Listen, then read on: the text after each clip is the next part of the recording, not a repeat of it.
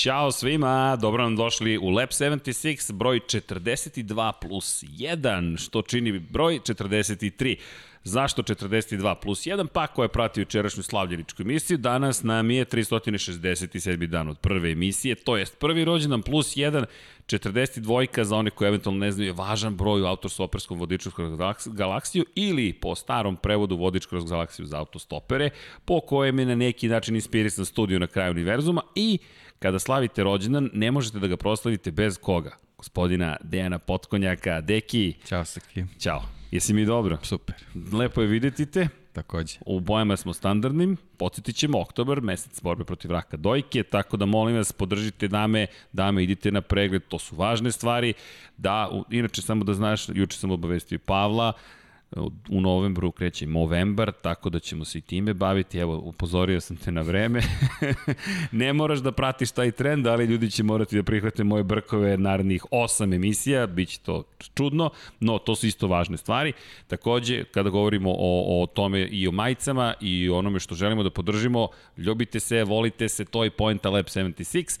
Kada je reč o oktobru, mesec svesti o Downovom sindromu, dakle, ukoliko poznate decu s Downovim sindromom, porodicu koja ima decu s Downovim sindromom, upoznajte se s njima malo bolje, to su neverovatno deca, daju dubinu celoj priči, celom univerzumu i iz te perspektive mesec koristimo da, da pričamo o tome. Možemo svakog dana u godinu tome da pričamo, ali odvajamo prosto neke te mesece, dane da se posebno posvetimo tim temama i iz te perspektive koristit ćemo i novembar, jel te? Za novembar to je priča o muškarcima, doći ćemo momci na vas, no, pre toga da se vratim na jedan sekund i na rođendan, Dakle, obeleži smo mi rođena 42. emisija treba uvek da bude nekako luda, s obzirom na činjenicu da je, jel te, odgovor na pitanje života univerzuma i svega ostalog 42. Uključili smo juče pogon neverovatnosti, to jest ne, ne, ne, improbability, dakle, možemo pričati o tome da se dešavaju neverovatne stvari, ali deki, Da li si mislio da nećeš dobiti rođendanski poklon? Dakle, Hvala puno. ali ovo je posebno, ovo je izvučena sa police, da znaš. Dakle, ovo je celu godinu provela sa nama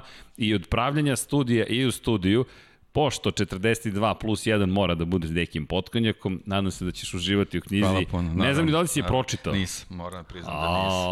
Moram da priznam da nisam, sad moramo ovaj, čisto ovaj, da, da, da dodam gradivo ovaj, vezano zbog, zbog cele priče Infinity Lighthouse, tako da Naravno, hvala ti puno. Ne, hvala tebi. Dakle, to idemo da stopiramo kroz galaksiju. Naša galaksija je, jel te, automotosport, kosmos, ljudi, približava se najzad, stabilizovao se, novi studio, žid šampiona se vraća, krenut ćemo da snimamo i kosmos. Ponovo, 99 yardi odgovorim, bit će ove nedelje, a mi danas pričamo o Moto Grand Prix-u i odmah imamo osmeh na licu, kako da. ne bismo imali osmeh na licu. Deki, citiraću tebe, ukršću ti misao, dakle pre početak vikenda rekao si imaš tri zvezde koje su ti tri zvezde ovog vikenda? Što se tiče ovog vikenda, prošlog vikenda. Da, ovaj, iza tačnije, nas. Da, vikend iza nas. Uh, za mene su zvezde sva trojica pobednika, plus i četvrta ovaj, zvezda ovaj, Zarko. Da, Joan Zarko na Ducatiju, da, naravno. Tako je, tako za one priči, ali, ali trojica pobednika su stvarno ovaj, nekako obeležili svako na svoj način, pa ćemo i to malo da izanaliziramo. Tako je. Dakle, da, da podsjetimo one koji eventualno nisu gledali, koji su gledali, možda zaboravili, ne znam kako može da se zaboravi, ali pobedio je Franco Morbidelli u Moto Grand Prix kategoriji, master klas je bukvalno izvezao Franco Morbidelli na Petronas Yamahi, na sličan način, ako ne i čak impresivniji, je vozio Sam Lowe. Cijeloga vikenda Sam Lowe u Moto2 klasi, treća pobeda za redom za Britanca i na kraju druga pobeda za Jaume Masiju. Pazi kako to ide. 1, 3, 2. Dakle, kada pogledaš... Samo različiti još... načini su i različiti brojevi. Ali, I, ali... I, to je to. Ali opet fenomenalno. Zaista su bili zvezdani. Da, I doći da. ćemo do Zarka i naravno krenut ćemo od master klasa Franka Morbidelija. Pričali smo prošlog vikenda da, to je u prethodnoj emisiji o Moto Grand Prix u broju 41, da je nekako bio nevidljiv tokom velike nagrade Aragona. Ostali smo na istoj stazi u Aragonu, Franco Morbidelli u trci bez greške. Znači, od 1 do 10, desetka čista za, za, za kompletno izdanje. Pričamo konkretno o trci. Tako je.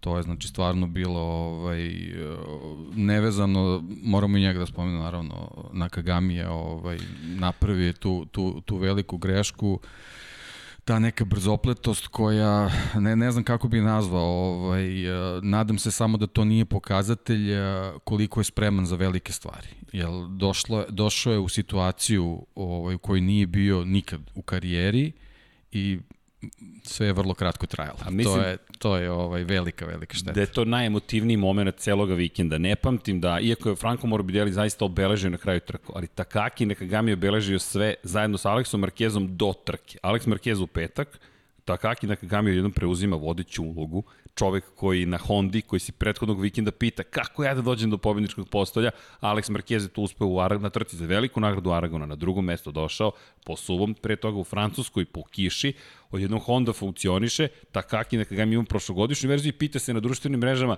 šta ja da učinim da dođem do pobedničkog postolja? Pa da osvojiš pol poziciju, uopšte nije loše. Jeste, da osvojiš pol poziciju, ono, stvarno u velikom stilu, sve okej, okay, ali ovaj, kao što je jedan veliki automobilista rekao, da bi pobedio na nekoj trci, prvo moraš da je završiš.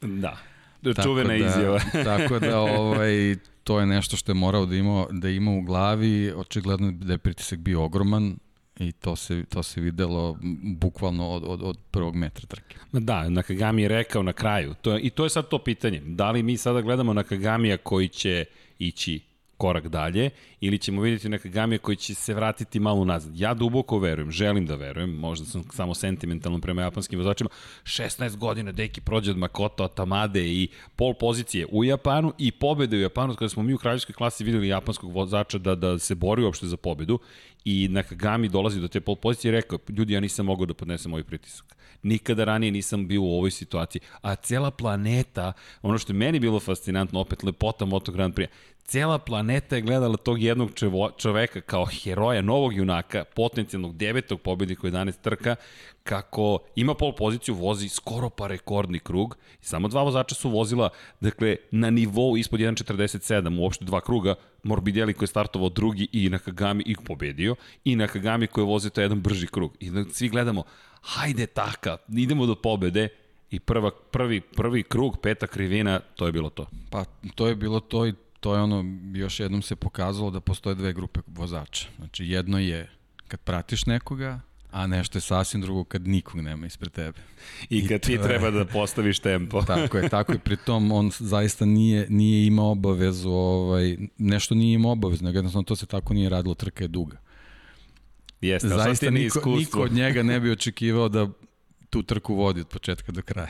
Samo, Os... samo je trebalo malo strpljenja i malo mudrosti, ali nažalost očigledno da taj adrenalin koji je radio je mudrost potpuno potrao, tako da ali kako i ne, to se videlo. Da. Sediš, ja to samo zamišljam iz njegove perspektive, sediš na pol poziciji u Aragonu, tamo je prva krivina, ideš levo, još zid tamo je do, do, do ulaska u prvu krivinu i nema nikog ispred tebe. Ti si navikao da je neki reper je tu, neka Reper, referentna reperi, tačka. Tako je, tako Nema je. nikoga, ti imaš livadu ispred sebe, asfaltni drum i kažeš, ok, ja sam taj koji sad, ono što je super bilo, stav, ja ću da vodim i on je bio agresivan u krivini. I bio agresivan i, i možda, možda tu, posle, posle te agresivnosti ovaj, u, u, u onoj, onoj jako važnoj prvoj levoj Jeste. krivini, ovaj, krenuo je malo defanzivno.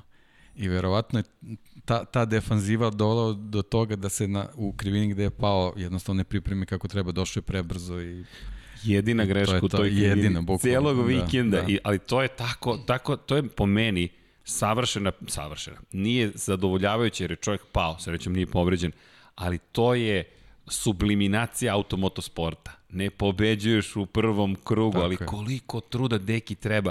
To ono što, o čemu pričamo tako mnogo, zašto poštujemo svaki krug na stazi. Ti si radio dva i po dana, ukupno pet i po dana, uzmemo i prethodni vikend u obzir, da dođeš na tu pol poziciju i još nisi ništa uradio. Tek kreće žurka, tako je, tek tako kreće nema zabava. Ni bodova za nju, nema ništa. Ništa. Ništa. Imaš ovako priču sentimentalno o tome tako, šta bi bilo. I bit ćeš u nekim statistikama kad se bude spominjala trka. I posvajač pol pozicije. Da pol pozicija, tvoje ime tu i to je sve. I to je to. I posle pe, do šeste krivine već je bio zaboravljen. Tako. Bukvalno, mi, Džankić ja, pozdravim to Džankija Baby-a, dakle, krećemo da pričamo i sad čime, čime da se bavimo? Hoćemo Morbideliju koji u tom trenutku juri svoju šansu ili ćemo Nakagamiju. Želiš da pričaš o Nakagamiju, ne smeš da pričaš o Nakagamiju. Do šeste krivine on je bio zaboravljen. Tako je. Tako, Kraj. Tako I to je, to je taj usud, to je.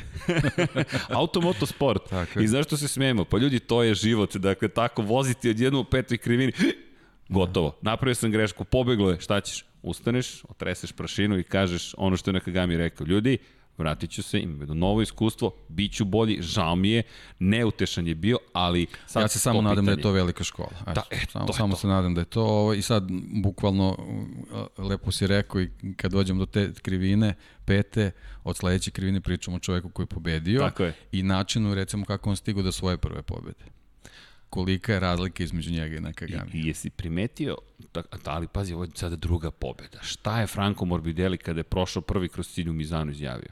Ok, sada znam kako se pobeđuje u Moto Grand Prix. Sledeća pobjeda, a verujem da će ih još biti, će biti jednostavnija. I ti imaš već najavu u Mizanu šta će taj čovjek da učini i da se vratimo na taj Mizano. On je čovjek iskontrolisao celu trku, ali ok, to je opet jedna pobjeda. Dođe taj inspirativni dan, kažeš sebi to je to. Ponoviti opet koliko je automotosport divan i ja uvek tražim nekako slike iz života automoto sport u malom ti prikaže ceo život. I sad imaš tu možda jedan inspirativni dan. Ovo više nije inspirativni dan. Franco Morbidelli u momentu kada mora da pobedi, da bi se uključio za, u borbu za titulu šampiona sveta, još uvek postoji šansa da bude šampion. On 25 pojena zaostaje, tri da. trke pre kraja. Franco Morbidelli vozi po meni njegovu najbolju trku u karijeri.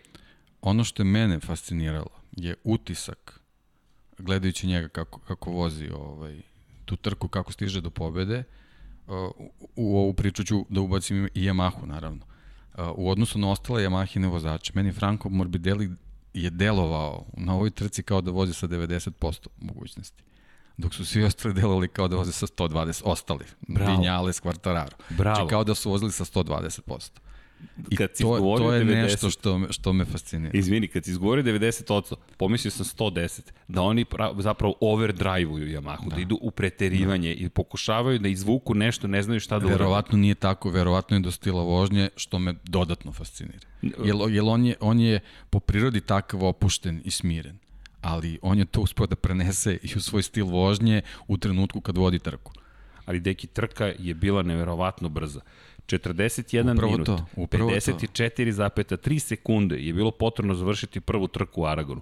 Druga trka, 41, 47, 6, 5, tako 2. Je, tako je. I sad ti ovako sediš, gledaš i kažeš, čekajte, ovi ljudi su našli 11 sekundi su našli su u celoj ovoj priči. To je malo sam preterao. Dakle, ukupno su našli, da budemo precizni u celoj priči, 7 sekundi.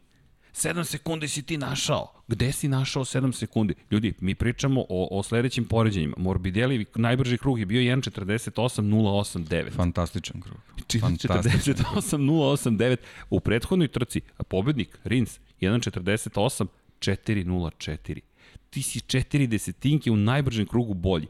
I to su krugovi na početku, tebi je prvi krug trke, ne računamo start, dakle drugi trk trke, drugi krug trke kad imaš puni krug u punoj brzini, 1.48.5. 48.4, 48.3, 48.0, 48.2.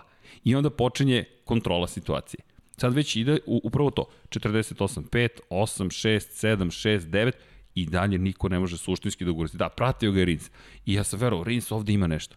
I onda vidiš ta meka prednja guma kod Rinsa, srednje tvrda guma, opet srednje tvrda guma kod Morbidelija i pozadi srednje tvrda, kakav posao čine. I kad prođemo kroz analizu treninga, Morbidelli se spremao za ovo. Neko je dobar domaći zadatak uradio između dve trke. Tako je, neko. neko. neko, neko. A ko sedi da, pokraj da, njega? Sedi da. Ramon Forcada, pričali smo o Forcadi, preko 500 trka Ramon Forcada kao glavni inženjer ima u toj garaži pričamo o tome, evo nam je kaciga, Jorge Lorenzo, zašto smo je tu stavili? Nemo još Morbidellijevu, polako, doći ćemo i do nje. Rešili smo da pokrenemo kolekciju kaciga, moram ti priznati da sam počeo da se time bavim aktivnije, ove ćemo poklenjati, ali sam shvatio, pa čekaj, nećemo imati kacige u studiju, morat ćemo da ih nabavimo. I Lorencova je savršena. Tri titule Forkada osvaja sa Lorencom. Forkada je ozbiljan inženjer. Naravno, nije svako za svakoga. Maverick Vinales nije mogao da radi sa Forkadom, otpustio ga je, tražio je drugo rešenje, doveo je Estebana, dakle, dobe Garciju koji je 2013. sa njim osvojio titulu i to je okej, okay. to je ono što čemu se priča, ne, ne radi svako sa svakim. Tako Ali, pazi sada Morbidelli i Forkada.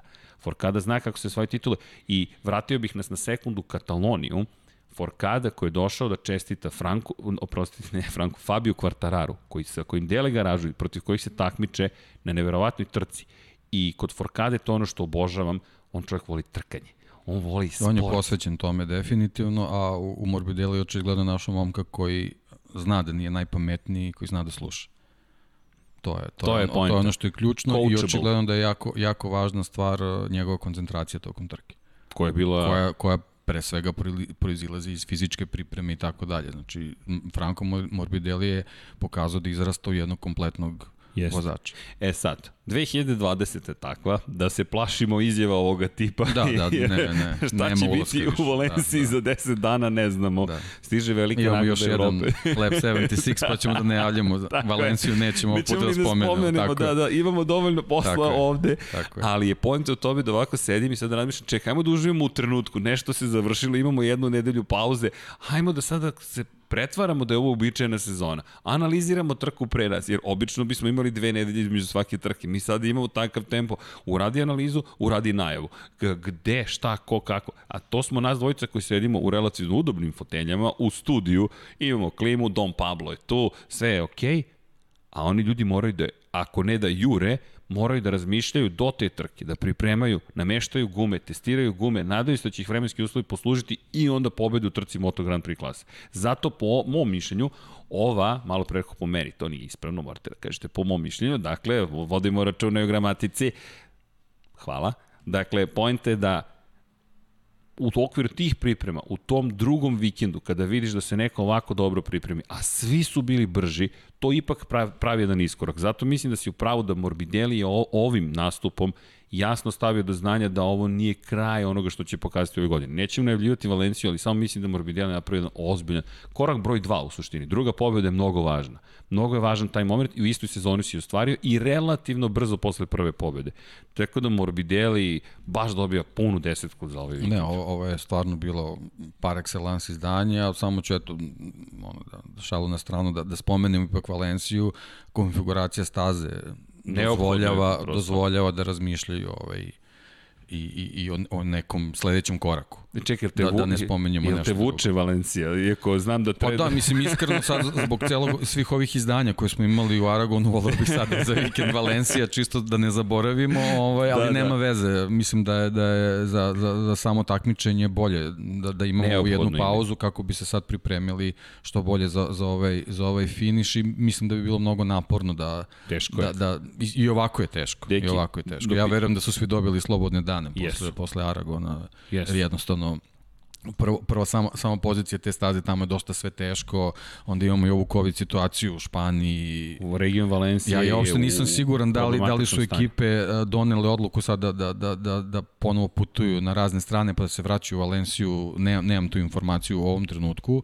saznaćemo.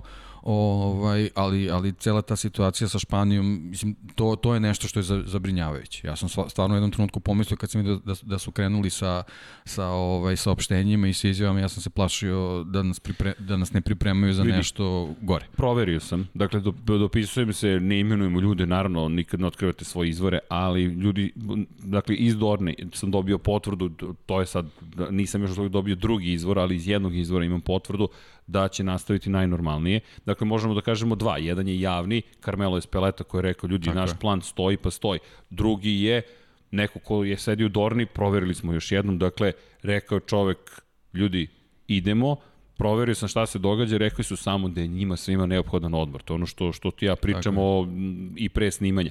Pojenta je da je teško izdržati ovo. Dakle, samo zamislite kada nema publike i nemate čak ni gostiju, teško je sve ovo organizovati, jer sada postoji drugi problem, jer to je uvek je stvar u ravnoteži. Dakle, TAS je, s jedne strane se opustio zato što je manje ljudi, manje gledalaca. Kako izgleda inače u Španiji i Italiji kada se država trka? Ljudi, to je, po, to, to je, to je izvinjam se, možemo dvoplan, Dom Pablo. Evo ih ovde akreditacije. Dakle, ova akreditacija je nešto što mi čuvamo, ko je ulazio zna akreditacija koliko je važan dokument zapravo, ali taj, tu akreditaciju neko mora da izradi. Neko mora da dobije dokument, da je obradi i pripremi. E sada zamislite svakog sponzora, svakog šefa ekipe, svakog novinara koji moli za svoju propusnicu i za svojih par prijatelja, poznanika, drugara koji treba da uđu. Dorna sve to treba da organizuje. Nije to neka tužna priča, to je nemoguće. Misija u jednom momentu, daj mi karte, daj mi propusnicu, moj nije ušao, tvoj je ušao. To bukvalno tako izgleda i sada dođete da toga nema. To je samo jedan segment. Samo jedan segment, samo jedan seg segment čisto eto slikovit, a da ne govorimo o tehničkom aspektu, o tome da isporučiš uslugu koja se zove kadrovi, koja se zove zvuk, koja se zove organizacija, proba, kontrola staze, medicinsko osoblje, sudije, redari. Dakle, to je neverovatno ozbiljna organizacija. Formula 1 i Moto Grand Prix, pogotovo Formula 1, ali sada pričamo o Moto Grand Prix, koji je pa možda za nijansu samo ispod Formula 1, zašto su Formula 1 otišla u neku stratosferu. To, to što je Bernie Eccleston stvorio, to nigde nisam vidio, tu organizacijnu da. sposobnost jednog tima. Ali je point u sledećem, s druge strane sada imaju toliko ograničenja, toliko nemogućnosti da se krećeš. Mi imamo, inače, mogućnost postoji da se ode u Portugaliju, ali ne možemo da dođemo do vozača. Sedite u medijskom centru i kroz prozor gledate čoveka koga treba da intervjuišete. Intervjuišete ga preko Zuma potpuno gotovo no, nema, nema logike. Nema logike, a ti ljudi sada u svim tim uslovima na distanci konstantno i moraju da rade i zaista je zahtevno. Da ne odem predaleko u tu priču, ali prosto da napomenemo da nije jednostavno organizovati. Mnogo je ograničenja, mnogo je limitirajućih faktora i sad se postavlja pitanje regiona Valencije, ne samo grada, koji uvodi vanredna stanja. I još Portugalija u kojoj se situacija s COVID-19 pogoršava to je tema tek... Da, to je tema, ja se samo nadam eto, da, da, da, da, da kažem da, da, da će ta, ta situacija s pandemijom u tim zemljama ostati na ovom nivou. Mislim, nije, nije, nije bajna situacija, nije. ali bar da ostane na ovom nivou kako bismo dobili da kažemo, završenu sezonu sa te tri trke koje su najavljene i, kao što kažu, u planu. U planu znači, su. ogradili su se. Da, za sad su to, u planu. To, ta, to mi se samo nije, nije svidela ovaj, ta, ta ovaj, rečenica gde, gde se koristi samo termin mi imamo plan. E, zavisi od, drž, od vlada država. Naravno, apsolutno, I, mislim, potpuno je jasno, tako da ovaj, ja se samo nadam da će se biti okej. Okay. Vidi, držimo palčem, ono što je bilo okej, okay, izašli smo na stazu ovoga puta i bilo je super. Dakle, ističemo Franka Morbidelli, zašto? Toliko je dobar bio Franco Morbidelli, da mora on da bude istaknut u Moto Grand Prix. Međutim, pozicije 2 i 3, Alex Rins, Joan Mir, u Kataloniji smo pričali o tome kada je poslednji put Suzuki imao nekoga na pobedničkom, dva vozača na pobedničkom postoju. Jao, to je bilo 2007. godine na velikoj nagradi San Marina i Rimini u Mizanu. John Hopkins i Chris Vermeulen rizla Suzuki. Pazite, Suzuki koji je imao V4 motor, taj Suzuki sada ima i4, to je inline, to je redno poslednji četvrocilindraš. Dakle, to je neko potpuno drugo vreme, druga era.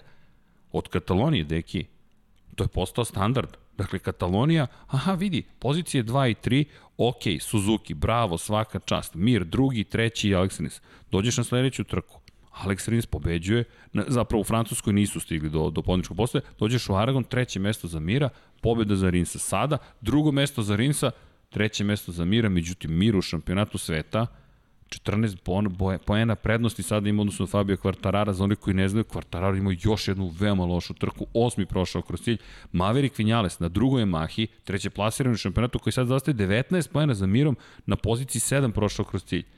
I ono što si rekao, Morbidelli jedini na Yamahi izgledao funkcionalno, samo li nešto drugo. Yamaha u nekoj ja specifikaciji, to ne smo da zaboravimo, znači to, to je, je prošlogodišnji mo motocikl, u stvari motor praktično. To je, on je, to je, zapravo on ima ovogodišnji... Da, o, o, on ima ovogodišnji motor i delove šasije, tako čini je, mi se, tako, tako nešto. Da, tako da. je. I on ima zapravo jedan motocikl koji više podsjeća na ono što je Fabio Quartararo koristio prošle godine u odnosu na 2018. nego najnovije motore koje koriste da. Fabio Quartararo Ali je i očigledno da to nije ovaj ovaj, presudno u ovoj sezoni, pošto vidim između oslog i Kotaki, koji tako takođe je. nema, nema ovaj, najnoviju specifikaciju Honda, tako da to očigledno nema, pa, nema neki presudan uticaj u ovoj sezoni. Nema? Izvini, tvoj četvrti junak, da. Joan Zarko je na prošlogodišnjoj verziji Ducatija. Mi smo u jednom Čekaj. trenutku imali praktično znači, u pet prvoplasiranih ovaj, imali smo tri uh, motocikla koji nisu znaš, najnovije specifikacije. Znaš šta mi pada sad na pamet? Pa ovo je bila trka zapravo prošlogodišnjih motora i,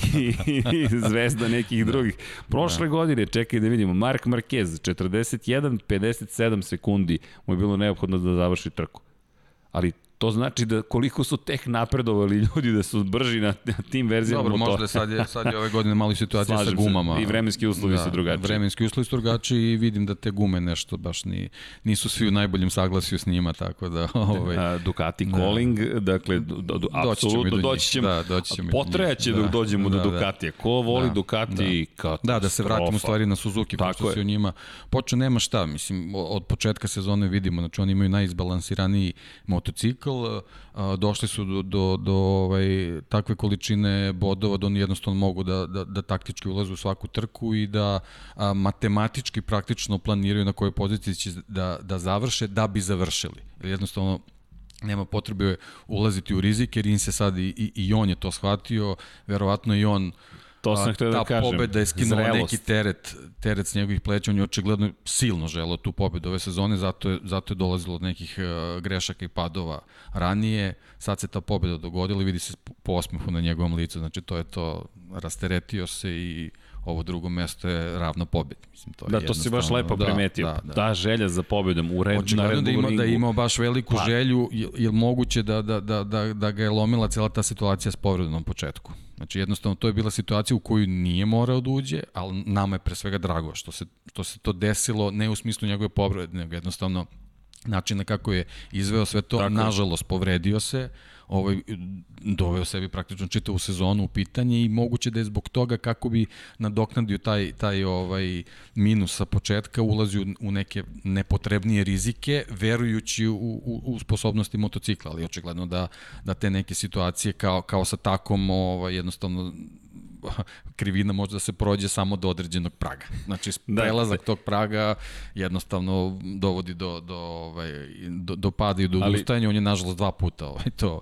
osetio ove godine, tako da ova pobeda na prethodnom Aragonu je Ali izvini, ti, ti često sve. pričaš o tome, razlika, greška, granica, ti je tražiš, to ti da. je posao kao automotosportskog takmičara. Da, dobro, da, ali pazi, one, one se traže, traže se u treninzima. Tako je. Znači ti e, u tren, u, uh, moraš uh, tako dobro da radiš na treningu da već kad dođeš na, u, u kvalifikacije ti znaš dokle su tvoji limiti, motocikla, staze, uslova, svega. Pa, sad izvini, skočit ću malo na Ducati. Najveći problem zapravo Ducatija nije... Da, zadnja guma je ove godine promenjena. Michelin je pripremio novu zadnju gumu koja ima mnogo jače prijanjanje. I već na početku sezone, u predsezoni su govorili svi da će to više prijeti Yamahi i Suzuki kao, kao motociklima koji u krivini zapravo mnogo veću brzinu prenose i to dodatno prijanjanje će njima pomoći. Stabilnost zadnjeg kraja kod Yamaha i Suzuki je veoma značajna. Međutim, kod Ducatija više se, to smo videli i kod Honda, više se upravlja time što puštate da klizi taj zadnji kraj, gde taj zadnji kraj kao rep, to je ono što o čemu pričamo, Jorge Lorenzo koji je rekao kao čamac vozim, dakle puštate da zadnji kraj zapravo ide svojim putem, blagi oversteer, dakle blago preupravljanje imate da biste mogli da vozite taj motocikl kako želite, obično ta V, v putanja. Dođem, vozim naglo, ukočim i onda odem punim gasom. To su Amerikanci uveli još 78. kad se Kenny Roberts pojavio i pokazuje evropljanima ljudi, ne, to je glatka vožnja, oko krivine, ma ne, idem na bodem kočnicu, stanem, skrenem, pun gas, ispravim motocikl što je brže moguće i nestanem u daljini. E, ova guma pravi problem Ducatiju. I šta su rekli? Tu je Zarko bio naj, u suštini najhrabriji.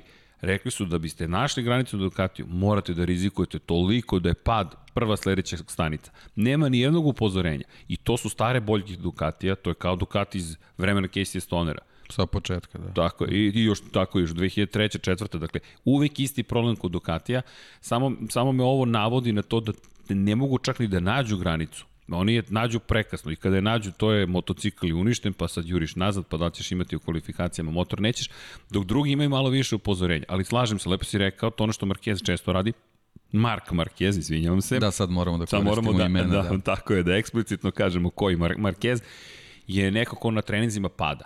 I, i, I tu zapravo nađe tu granicu. Ali kada je reč o Suzuki, Suzuki mislim da si baš lepo, lepo opisao šta je u sezonu. Taj Red Bull Ring, jedan pad, pad u Le Manu u momentu kada se boriš za pobjede. E sad, opet šta bi bilo kad bi bilo ova godina ispunjena tim rečenicama, ali bukvalno Alex Rins je na 32 pojena za ostatku odnosu na Mira. Samo jedna Sad je on shvatio da nije ništa izgubljeno. Tako je. To je tu, tu si, mislim, zato što a, nema potrebe praviti bilo kakve matematičke kombinacije, šta ako sad svi završe sledeću trku, pa ne znam, ovaj ne završi, nema razloga. Znači, a, bitno je pripremati se da budeš u, u, u, u svom najboljem izdanju na sledećoj trci i da jednostavno pratiš situaciju. To je, on, to je ono što je ključno. A da li ti stičeš utisak da je ovo postao takozvani, da je igra čekanja, waiting game? Pa, u principu jeste Mislim, to je, to smo, možda ni oni nisu bili svesni toga na, na, na samom početku sezone, ali kako ono odmiče jednostavno je ono, bukvalno čekaš da vidiš ko će da pogreši. Tako je. I Sam Lowe's je to negde pokazao u Moto dvojkama. Sam Lowe's koji je sada izdominirao vikendom, ne, ne želim da skačem na Moto dvojke, ali činjenica da je jednostavno čovjek zaslužio da. i odvezao trku savršeno od početka do kraja. Trenizi su mu bili savršeni, ali koja je razlika odnosno na prethodne dve pobede? U prethodne dve on je sedeo i čekao šta će da uradi vozači ispred njega. Pratio Dixona, Dixon izleti, on za, uzme pobedu. Sedi iza Fabio Diđan Antonija, Diđan Antonio padne, dođe Marko Beceki, pretekne ga, sedi iza Beceki, a Beceki izleti Sam Lowe's pobedi. Sada nije bio waiting game, sada je rekao ne. Puna dominacija, ali stičem utisak u Moto Grand Prix, to mi je pojenta priče, da i Rins posle trke izjavio shvatio sam da mogu da ostane na poziciji broj 2, što je ozbiljan korak ka zrelosti, ka borbi za titulu šampiona sveta. Ako ne ove godine, a gotovo, a sad, da li gotovo sigurno sledeće, to je ta velika nepoznanica, ali činjenica je da da inače dobio sam izveštaj konzilijuma lekara o potencijalnom stanju Marka Markeza, tako da ću to pročitati da ne bih pogrešio. Dakle, ljudi, Lab 76, Deki, Paja, Srki, ta ekipa, Junkie Baby, to je negde. Dakle, mi stvarno se gledamo da radimo ne ozbiljno, nego bit će još ozbiljnije. Ali point u sledećem, dakle, kada govorimo o, o Marku Markezu, dotaći ćemo se te teme, jer to je zaista mnogo, mnogo bitna tema. Kada govorimo o Rinsu i njegove ozbiljnosti, meni deluje, to je to waiting game, sada čekam, čekam, čekam, čekam, možda na kraju Portugali, ako bude morao, onda ću ići na sve. I to mi deluje kada igra Joana Mira zapravo, da je Mir rekao, okej, okay, Danas nije taj vikend, nema problema. Kasno je da se borim za pobedu, ja čekam treću poziciju i to je, ako pogledaš Ne, upravo to što si rekao, mislim, ako, ako dođe do toga da u Portimao budemo ovaj, odlučivali titulu, potpuno je svejedno da li si drugi ili peti u šampionatu. Ja verujem da ćemo Portimao imati pravu borbu ako, ako dođe do toga. Sad, ako dozvoli. Naravno, ipak je, da. Situacija da, čak. I, ako, I situacija i, i neki, neki drugi razvoj vezano, vezano za tabele. Mi ipak imamo dve trke pre toga, tako da daleko je navijački da, bi bilo mnogo, jeste mnogo daleko. lepo da, da, da u Portimao ovaj, dobijemo šampiona, ali, ali vidjet ćemo. Vidjet ali kako stvari stoje, Mir bi mogao čak da završi celu priču pre kraja sezone. Mir je ponovo bio na poziciji broj 3, opet jedna trka problematična u kvalifikacijama. Fa, zapravo šokiran sam bio odsustvom strategije za Mira u Q2 delu kvalifikacije. Prošao je direktno u Q2, bio konstantno među šest najboljih. Suzuki cele godine ponavlja. Najveći problem, i to ističemo, jeste taj jedan brzi krug. Prođe jedan brzi krug, u prva tri treninga ti se probiješ i to bez problema si među vodećih 5-6, probiješ se u Q2 i dođeš do toga da završiš na 12. poziciji. Sećam se momente kada je počeo prenos kvalifikacije, da izgovaram, ne, ne, mogu reći da to bila racionalna misla. Ok, još nije završio posao, može da bude i 12 ne očekujući nužno da će biti 12. i on kreće u neki nepotrebni duel sa Fabijom Kvartararom, da. gubi jedan brzi krug, gubi drugi brzi krug, odlazi na zamenu gume i na kraju još mu poništava jedan krug, ne uradi ništa i startuje 12. Kao da nisi prošao u Q2. Da, ali, ali uh, Aragon je dozvolio da da u trci nadoknadiš pozicije. Valencija će biti nešto sasvim drugo. Ajde da sad ne ulazimo u najavu Valencije. Ne, ne, ne, ali, to, ali to, to, to, to, ono, ono što, smo, što smo pričali, znači jednostavno moraju da imaju dobru startnu poziciju. Pazi, ovoga je koštalo potencijalne bitke sa vodećom da. grupom. Dok je on stigao da, do trećeg pa mesta. Pa to mu se često dešavalo. To, Završeno. To je to. Je to. Ali Jedin, jedino što, što je ogroman plus, oni zaista umeju da balansiraju te gume ovaj, da, da jednostavno imaju motocikl spreman bukvalno od prvog do poslednjeg kruga na nekom nivou na ko, koji drugi očigledno pokazalo se ne mogu. Makar ne konstantno. Da. To su usponi padovi kod ostalih, jer ti kada pogledaš sada Suzuki, mi pričamo, inače da odbio sam jedno od pitanja, dakle, Da li mislimo da je ovo poput Moto2 sada sezone, jer nema, s obzirom na činjenicu da nema Marka Markeza kao čoveka koji dominira u prethodnih nekoliko godina i da zapravo se ne vidi da dovoljno kvalitetan vozač. Ja se s time ne slažem i Mir mi je najslikovitiji prikaz toga. Mir, dakle, od velike nagrade Austrije, to je inače bila četvrta trka u šampionatu sveta Moto Grand Prix klase. Mi smo sada završili 11. Drugi, četvrti, treći, drugi, drugi, 11. treći, treći. Dakle, čovjek praktično nije sješao s pobjedničkog postolja. Ako to nije konstantnost ako to nije vredno u sezoni u kojoj bi Mark Marquez možda pobedio svim ovim trkama, ja bih opet pričao o Joanu, Joanu Miru kao nekom ko je odvezao neverovatno.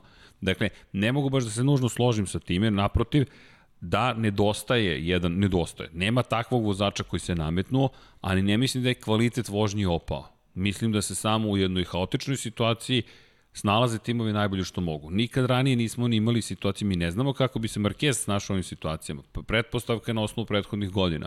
Ali opet ta Honda je tek počela sada da funkcioniše. Verujem da bi njegovim rukama bila mnogo ubojitija, brža.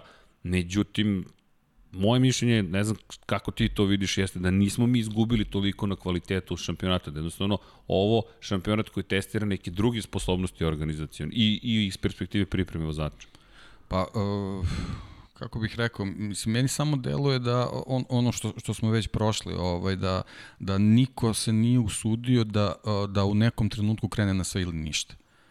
Ili ako je krenuo Rins, na primjer, je imao dva pa pada. Pa dobro, ali to, ništa, to, je to, vezano, to je vezano za jednu, jednu specifičnu trku. Znači, nismo kod nijednog vozača primetili da od početka ima takvu taktiku, kao što, na primjer, Mark Marquez ima zbog svoje samouverenosti i, i, i, i, i vere i u sebe i u motocikl. Ja, ja sam nešto gledao rezultatu u prethodne e, tri sezone vezane za, za stanje u šampionatu. Znači, do 11. ovaj, trke, 2017. Mir bi sa ovim brojem bodova bio šesti. Da, sa 137 pojena. Bio bi da. šesti u generalnom plasmanu. A prošle i pretprošle godine bi bio treći, četvrti. Znači, to, to, je, to je dokaz da imamo Marka Markeza koji je uh, svojim pristupom trci uh, i, i način na, na, na koji je mogo to, to da, da proizvede u bodove uh, pokazivao koliko dominira šampionatom, ali dominira zato što ima takav pristup za svaku trku. Ovde vidimo da, da tu postoje neke kalkulacije i da imamo neke vozače tipa Fabio Quartararo koji, koji pokazuje da može da dominira kad, kad su sve kockice uh, sklopljene kako treba, uh, ali sa druge strane ima trke gde jednostavno ga nema nigde.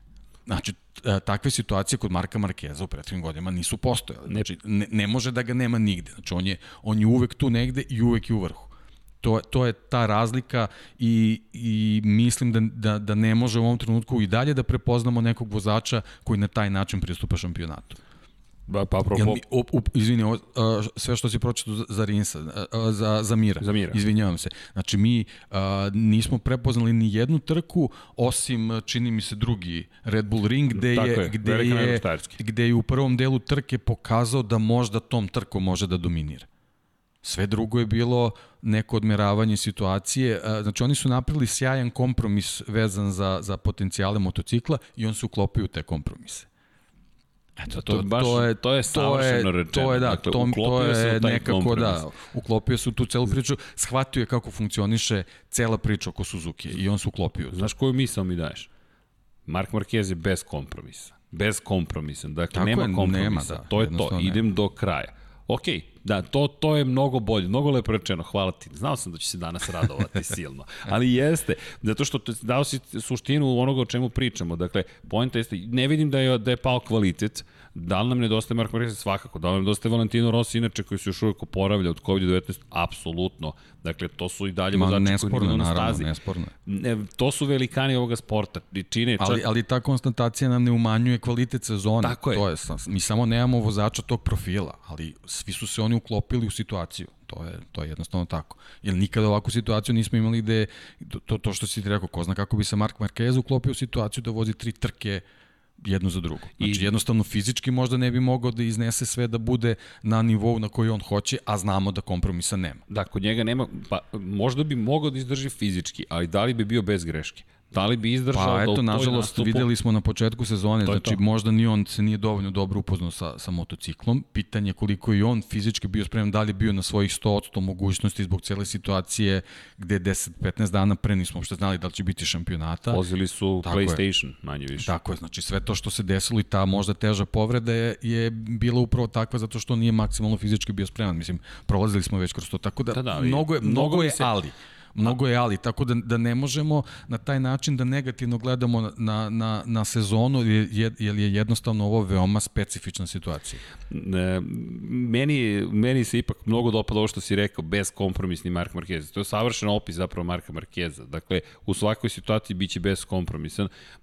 I redko su bi postojale sezone, možda 2015. je najviše problema imao kada je reč o tome da nije hteo kompromis, pa je naučio neku vrst, neku dozu kompromisa da uvede, to i rekao naredne sezone gledao sam da baš ne padam toliko, jer kada padneš nema poena.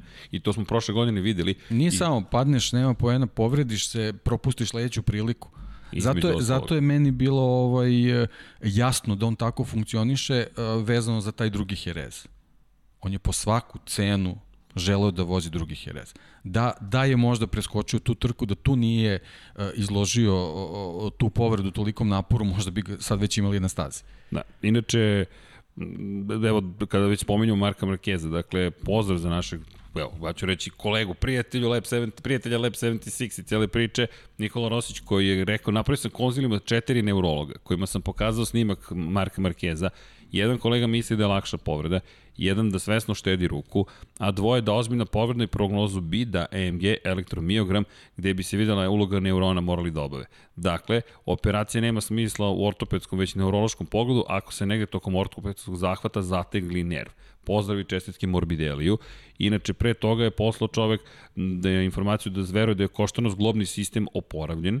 Kaže, vidimo da je leva ruka potpuno zdrava jer nije bila povređena, desna ruka nijednom nije podignuta. Šaka funkcioniše, ali kada postoji neki izvesni neurološki deficit, šta bi moglo da bude objašnjenje? U pazuhu i u delu mekog tkiva ka vratnom delu kičme se spinalni nervi granaju i formiraju do pazuha nerve koji nervišu ruku. Ulnaris, radialis i medianus. I svaki od njih je zadužen za pojedine mišiće ruke. Zavisno od pojedinačnih deficita, moglo bi da se precizno pozicionira koji je nerv povređen, dužina oporavka i sugeriše da je verovatno u pitanju problem sa nervom. Povreda kosti zahteva oporavak od oko meseci i po, kosti zgloba 2 do 3 meseca, neurena 3 do 6 meseci. Što se rehabilitacijom popravi za 6 meseci, to je oporavljeno. Što, a što ne, ostaje trajno zašto je, dakle, eto informacija od lekara koji se ovim ozbiljno bavi. I kaže, ovo su aproksimativne cifre ne treba ih kao takve shvatati, već više kao nešto što može biti različito od slučaja do slučaja. Nedostaje svakako Mark Marquez, ostaje bojazan da ne bude kao sa Rosijem 2010. godine kada je polomio nogu u Muđelu i praktično više nikada nije došao na taj jedan kosmički nivo, dakle, koji dalje vrhunski nivo, ali prosto te povrede tog pada u Muđelu nije nikada više osvojio titul, najbliže prišao 2015. To jest da nikada više ne bude isti ali ima i loših scenarija poput prevremene penzije, ako mu potpuno oslabi stisak ruke. No, no, da ne idem ka mračnim pričama, nadamo se da će biti ok. okay. I eto, veliki pozdrav za sve. I, i, i hteli smo da saznamo više. Jedini način da se obratite ljudima koji su stručni, dakle, koji se ovim bave. Dakle, negde dobija priča mnogo veći smisao. Dakle, ukoliko, eto, sad naučili smo, negde smo znali, ali opet kad ti neko potvrdi ko se time bavi. To šest meseci ti moraš, dakle, da budeš vrlo mudar sa nervom, moraš da ga oporaviš i ukoliko uspeš u tome imaš i dalje karijeru kako si do tada imao. Tako da možda je to jasan odgovor zašto Mark Marquez prosto sedi i čeka. Nerve, a i deluje kao da je zaista u pitanju nerva. Držim palčeve da da da Da, naravno, trke. mislim imali su školu sa sa tim izlaskom prevremenim na stazu, da, da to to se jednostavno tako ne radi.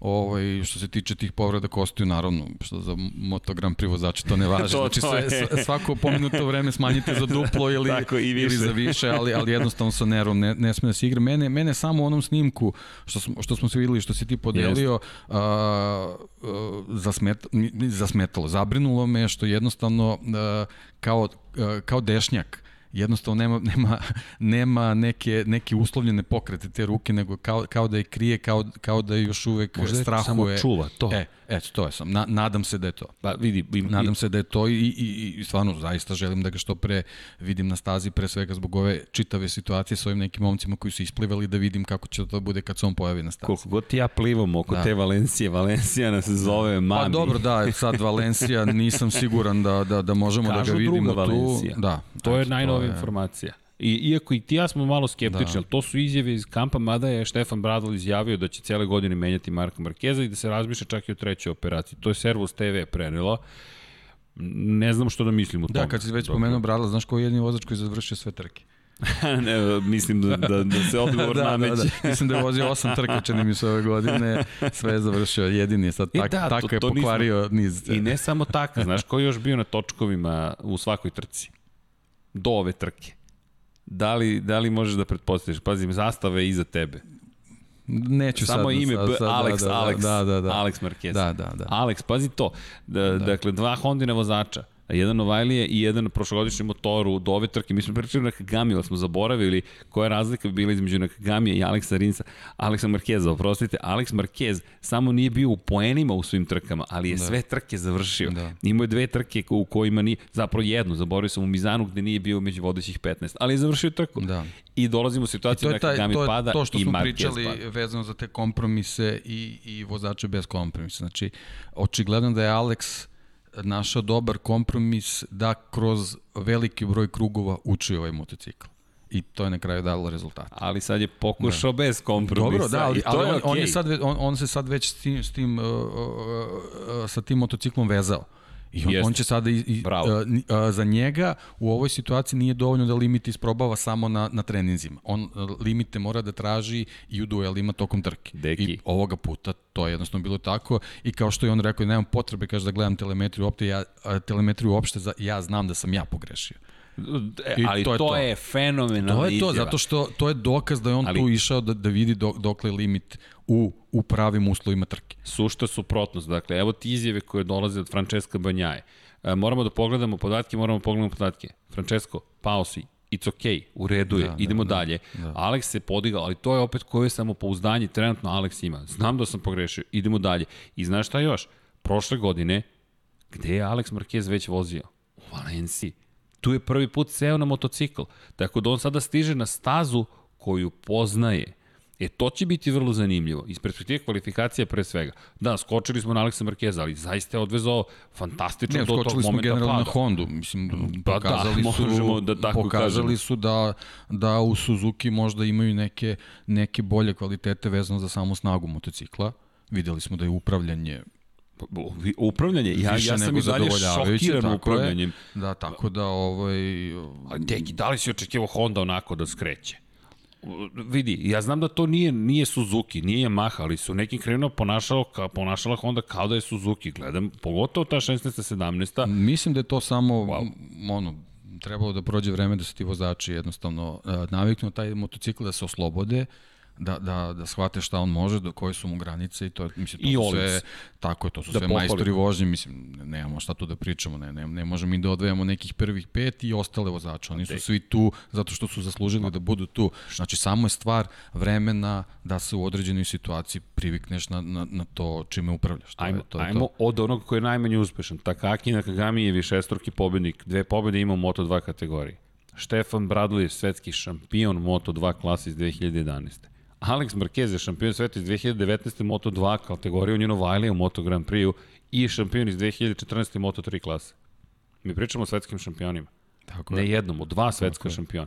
To što Bradl ne može da se poredi s Marquezom, ne može niko Bradl, da se poredi. Bradl I, testira tako je, taj motocikl, tako znači Bradl, uh, za, za Bradl je najvažnije da preveze što više krugova. I da završi I, trku, da, da, tako je. Zato je zato, zato i završio trke. Zato je završio i to je to je dokaz. Znači e, ja sam krug. siguran, ja sam siguran da da da Bradl zbog zbog nekih kvaliteta koje pokazuje u prošlosti sigurno bar za za 15-20% može bolje da vozi, brže da vozi Sigurno. taj motocikl, ali jednostavno to nije njegov zadatak. Tako je, niti njegov posao. U jednom momentu su mu rekli da će mu to biti zadatak, da će, mu, da će ga pustiti da se trka, to nije ispolo kako treba u Mizanu i rekli su, ok, sorry, izvini, ti moraš da nastaviš da testiraš za 2021. godinu i ono što je meni fenomenalno bilo, to smo i pomenjali u prenosu, imaš Honda iz 2019. Honda za 2020.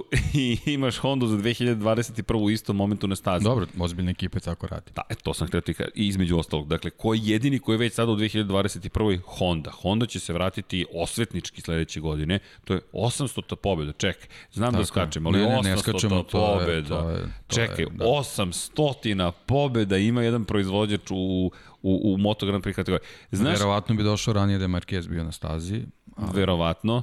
Čak, ali, okay. ali vidi. Drago mi što se neko novo ime pojavilo, to je neko, nekom njihovom istorijskom e, to nizu, da. to, je, to je lepo. To je da. To je lepo. I znaš šta je? Ne mora to ništa da znači, mislim, to je samo, samo eto neki, neki broj, neki jubile, ali je lepo kad se pojaviš u, u istoriji takvog brenda kakva je Honda, to je, to je stvarno sjajno. I ne znam da li, da li se ti sećaš, malo ko se seća, ja se sećam, dakle, Lab 76 broj 1. Inače, trajao je, znaš koliko je trajao Lab 76 broj 1? To, to bi moglo bude nagradno pitanje. 28 minuta i 49 sekundi. Ništa, nismo, nismo ni počeli emisiju. to je danas laki da, jedan da, uvod. Sad smo već. Da. sad ne znam ni gde smo, više vreme ovde stane.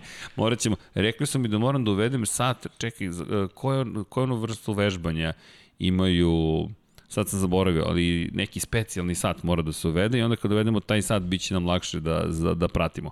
Kako god, časovnik bilo koji bi dobrodošao, ali da se vratim na Lab 76 broj 1. Zašto? U toj emisiji smo zapravo analizirali Hondine uspehe i pričali smo o prvoj Hondi i nekako simbolično pre, pre, eto, pre jedne godine smo pričali i baš se sećam da smo to analizirali. Jim Redman je inače došao, 60 godina takmičenja je bilo proslavljeno prošle godine. Jim Redman, četvorostruki svetski šampion koji je došao u garažu Marka Markeza u Japanu i Honda je velika fabrika. Bavit ćemo se Hondom u međusezoni ali Honda RC 143, to je taj čuveni motocikl s kojim je sve počelo zapravo i ti sada dolaziš do toga, inače ta već Honda je zabeležila 18 pobede. To su prve pobede, to je 1969. godina.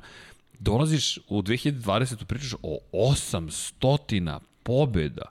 O tome da ti imaš 100 pobednika različitih, Jaume Masija koji je postao 100. pobednik prethodnog vikenda, ovog potvrdio da može on i još. I po, došao do te 800. pobede. Da iskoristimo priliku, vratit ćemo se na motograf, Jaume Masija je Zabeležio dve pobede za redom, deki, to da, nije pa, svakidašnje. Ja ga zato i svrstavam u, u te zvezde, jer, jer to je potpuno drugačiji način u odnosu na Morbidelija i Losa. Znači, on je, on je stigao do dve uzastopne god, uh, pobede u sezoni gde mi na prste jedne ruke nabrajamo ljude koji su je. ovaj, uh, uh, pobedili uzastopno. Znači, imamo Fabio Quartararo, imamo Losa i imamo Masiju. I to je to. I to je to. I to je, I, to je i, to. znaš koga smo zaboravili? Alberta Arenasa. Jeste. Pobedio Jeste, na početku. Tako na početku, da. zato što da... Onaj Katar nam je zaboravljen. Kao, kao da nije bio, kao da bio u prošlom veku, da, da, da. da. Pa o, tako ovaj, izgleda. Ja, u jednoj trci gde, gde je upravo Arenas a, pokazao, on, on je pokušao da Moto3 trku iz, izveze na, na MotoGP način. On je shvatio da mora da, da, da ovaj, jednostavno preuzme inicijativu, o, možda zbog neke loše odluke u, u, poslednjih, u poslednjih par krivina je izgubio podijum, praktično koji bi mu mnogo značio u borbi za titulu, ali Masija je sjajno, sjajno pratio čitavu situaciju, sve kontrolisao možda mnogo bolje nego i prethodnu trku i, i on, mislim, zaista zbog toga je zaslužio da ga svrstamo u zvezdu ovog vikenda. Jeste, baš je bio, baš je bio zvezda i napomenuli smo u prethodnom Lap 76 koji je bio posjećen Moto Grand Prix, gledali smo Masija kao možda Masija nešto tu sada može da učini. Sada već to nije možda Masija. Masija je četvrti u šampionatu 24 pojena iz Alberta Arenasa. Arenas dobro vozi i dalje.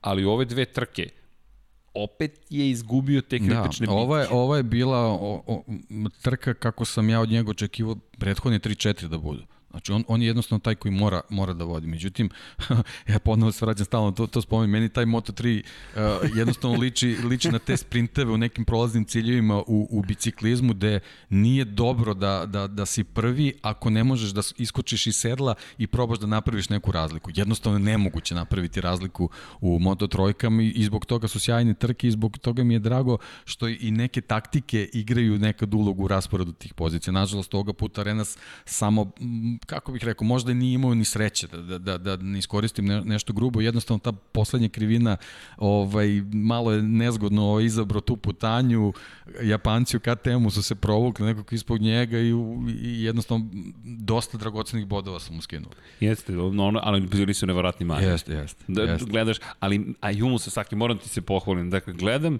i u celoj šumi ljudi gledam Ayumu Sasakija i znaš, posle svih tih godina. Kroz one zmije. Tako je, ali nekako ti se pojavi, znaš, to je to i ne šali se, ovako viz, kao, kao vizualno da ti, ne, ovako ti se istakne, nije to neka boja, nego kao da neka izmaglica stoji da. kod vozača, gledaš, a Jumu Sasaki, a Jumu Sasaki, nema tu nikog racionalnog razmišljanja, a Jumu Sasaki. I celu trku ponavljam a Jumu Sasaki, znaš kad ti nekako nešto ti prosto govori a Jumu Sasaki. I Jumu Sasaki dođe do pobjedničkog postoja. Mnogo sam bio srećan, zašto? Da, vraćam se na, na negde početak. Poštovanje koje gajimo prema svakom ko izađe na stazu je neizmerno. I kada govorimo o bolji i loši, to je u vrlo relativnom da, naravno, naravno. smislu. Dakle, to su ljudi koji su nekim visinama koji su zaista teško dostići profesionalnim, da ne govorimo emotivni smo prema automotosportu pa posebno to gledamo ali deki, svesni smo koliko je teško da dobiješ motocikl u svetskom prvenstvu. Kamo li da dobiješ priliku da voziš svaku trku? Pa zna, kamo li priliku da se boriš za poen ili da ti odvezeš tako dobro trku u cijeloj onoj gonguli, ono, jer ti si 15. u moto trojkama, ti si skoro na nivou onoga koji je na poziciji broj 1, ali taj skoro pa na nivou je, je sad, to je čuvene kako ide ta funkcija, do 90% možeš uložiti x, da bi došao do sledećih 5%, 2x. E, da bi došao do onih poslednjih 4, to je sa 10x, a za poslednji posto 20x. To, pitajte, to... pitajte Johna McPhee. pitajte Johna McPhee. Da. Pitajte Johna McPhee. Nije mi bilo, krivo mi je. Da. Moram ti priznati, krivo mi je pogotovo što ekipa prema pisanju Speed Vika imala ugovor koji kaže ukoliko budeš među, prva troj, među prvom trojicom na prvoj polovini sezone ideš u Moto2 tu moram se misliti da sam razočaran Petronosom iz te ekipe. Prvi put da, da tako nešto kažem na ekipnom nivou, ispoštujte dogovor koji ste imali. To je osnova da. svega što radimo, ali ok, razumem njihovu racionalizaciju. Jake Dixon dobro vozi, imamo Britanca, borit će se, dobro izgleda Dixon, ali dali ste on čoveku nek, nek, neki reč, ne neku reč ste dali, ajmo da ispoštujemo, ali mojih fi sebi nije pomogao, definitivno. Nije, nije, nije.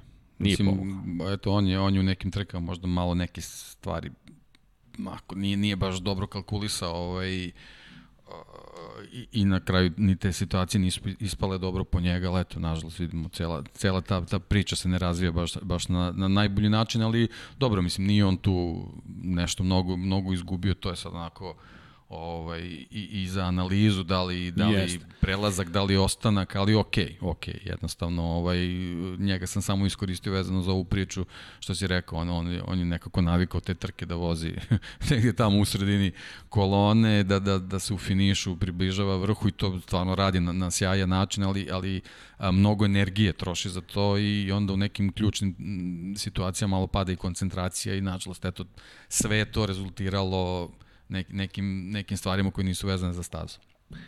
Da, Jordan McPhee imaće svoju šansu i sledeće godine u Moto naravno, Ma, naravno, da. Albert da, Arenas da, odlazi, stalno odlaze da. neki novi ljudi, ali point... Dobro, i Arenas, mislim, i on je već. Vreme, vreme je za obojicu da idu dalje, Bilo da, da to smo rekli na početku još, ali dobro. Penzioneri da, praktično. Bilo bi lepo da, da, da ode sa titulom, naravno, ali ali eto, mislim, morat će zaista da se pot, uh, potrudi da, da, da tako bude. Posledno što dolazi staza da tu obilaženja i, i Masija deluje sve da, bolje, pri da, čemu da, da. u šampionskoj ekipi u Leopard Racingu, tri titule Leopard u pet godina, u prvoj sezoni takmičenja s Denim Kentom. Oni znaju kako to je primjer. Upravo kao i Mark VDS. To je to. Vezano to je za Moto2. ekipe. Da, to, šampionske to je, ako, ako pričamo sad, ajde sad skačemo sa klase na klasu, ali ako pričamo ovaj, o Moto dvojkama, imamo Bastianinija koji vozi za Ital Trans, koji isto ok, oni su u 10 godina u šampionatu, ekipa, isto, isto kao Mark VDS, već, već 10 godina su u toj klasi jedan i drugi tim, ali Mark VDS Osvaja Znamo titule. ko je to sve titula osvojio za njih. Tako Pazi, da... Franco Morbidelli da. osvojio titulu. Dakle, mi da. pričamo o... Alex Marquez. Alex Marquez je prošle godine osvojio da, titulu. Da, da, da. Pri čemu pričamo o ekipi koja u svojim redovima imala zaista neverovatne tehničar. Neverovatno izvine. Sada, sada Žil Bigo. Žil Bigo je čovek koji je vodio Aleksa Krivijeja ka tituli šampiona sveta u 500 kubika. Mi pričamo o glavnom inženjeru Sema Lousa koji ne da ima iskustva, nego Ma, čovek generalno, druge ere. ekipa Marka Van Stratena je tim, e, on, oni su se bavili automobilskim trkama, oni su učestvovali yes. 24 sata Le Mana, Spa, o, oni vrlo dobro znaju kako da organizuju tim da, da stignu do cilja kojeg žele da ostvari. Zbog toga je Lousu lakše u toj nekoj borbi, ne kažem da, da tu nema ogromnog njegovog, njegovog doprinosa i utica, nego jednostavno iza njega stoji tim koji vrlo dobro zna šta radi. Pa nije dovoljno samo ući u, u ekipu Mark VDS Racinga i pobediti. Xavi Vjerhe imao tu priliku nije, nije uspeo. Pa dobro, da, ne, dakle, ne prolazi svako. Tako naravno, je. Naravno. I to je ono pitanje s kim se dobro slažeš. Ali ti jednostavno slažeš. velika ti verovatnoća da ćeš uspeti ako dođeš kod e, njih. E, to je lepa reč. Zato je bitno biti tu pogon neverovatnoće, da, dakle, da. tako je, ne, ne, neverovatnoće, vidiš godine su mi stigli sad kad ti izbacio, vidiš da ta knjiga i, izbacuje iz sebe. Viš, ne moram da čitam, da, da držim ruke A samo nećeš da se izvući. Ne, ne, ne. ne, ne Šalim ne. se, naravno. Ne. Ali, ali činjenica, da, pogon neverovatnoće. Kad čitaš knjige, živiš više života. Kad ne čitaš je. knjige, živiš samo jedan. Tako je, tako to, je, to su, to, to, ti, to, da. to su ti kosmosi.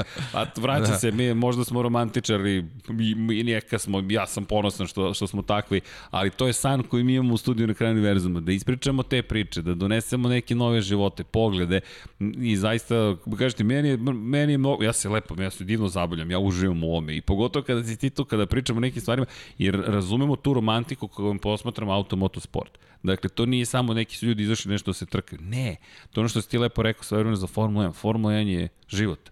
Ti gledaš Formulu 1, gledaš Moto Grand Prix, to su životi.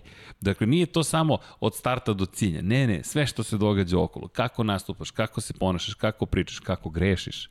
Kako Zato su si... dokumentarni filmovi o automotosportu drugačiji možda od nekih drugih priča. Deki, dobro sad ću da se uozbiljim, dotakao si se jedne nama važne teme, ali a, čućete na kanalima Infinity Lighthouse. Vidi, ruta 66 je iza, jedno je tamo, dakle ruta 76 se sprema. E da, dobili smo link, ovaj, jedan od naših ovaj, pratilac nam je poslao, ovaj, postoji ruta 76 u Americi, tako da... pa čekaj, to zna, dakle, znam kojom ćemo rutom ići, samo dakle, gde ćemo ti idemo, šta kaže ta ruta, gde je? Ne mogu se tačno zasetiti, nemoj, nemoj da me držiš za reč, ovaj, ali... Ej, Znaš čekaj. kako, Amerika je tako da sigurno je neka zanimljiva destinacija. Wilmington, Chattanooga. E, da. Čatanuga, da. Čatanuga, da. Čatanuga. Čatanuga, da. Idemo do Čatanuge, deki. Čatanuga se u nekom filmu pojavio. ima neka, Tako, ne mogu da nekom filmu, da. Čatanuga da, da. bi Tennessee. Ne, pa pronaći ćemo link, nije uopšte problem. Evo, dakle, građanski rad. Ako ide ka Memphisu, sve u redu. Spojit ćemo svašta. Spoj, ja mislim da, da već vidim rute kako se sklapaju. Da. Dakle, Čatanuga je bio kritični grad u građanskom ratu američkom ok, saznaćemo više dobro, o tome. Dobro, nisam na to mislio, ali dobro, pronaći ćemo vratno ima neki još drugi da, verovatno link. In, da. popular culture, da. u popularnoj kulturi i šta se događa u Čatanugi. Pazi, ne bi mi znadilo da je nešto nevjerovatno u Čatanugi bilo, ali da sada nemamo predstavu o tome, ali hvala. E da, i to je lepota toga, dakle, pozdrav svima koji nas i prate i na hashtagovima, na društvenim mrežama, i na YouTube-u i na podcastima.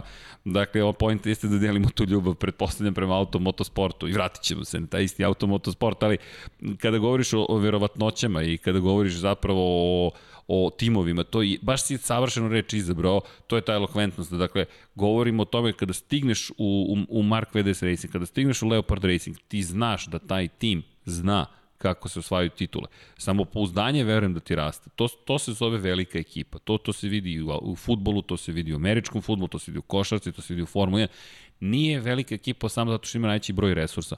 To je šta je preče koliko ili ja. Obično je ta ekipa sposobna u krajnjem slučaju i da dođe do resursa. I da ne samo to, i sa manje resursa da dođe do određenog uspeha, a iza sebe ekipa Leoparda ima ne dokaze, već to su titule i titule. Tako je, tako I imaš jednog Miodraga Kotura, možda sam prosto subjektivan s obzirom na činjenicu da je čovjek sa ovih prostora, da je bio u Ferrariju, da je postigao sve pa da, je nije, nije slučajno da je baš on vezan za tim koji ima neuspehe u, u Moto Trojku. Tako je, tako je. Midra Kotor je relativno tiho došao u Moto Grand Prix iz te perspektive, kao neko ko je stigao iz Formule 1.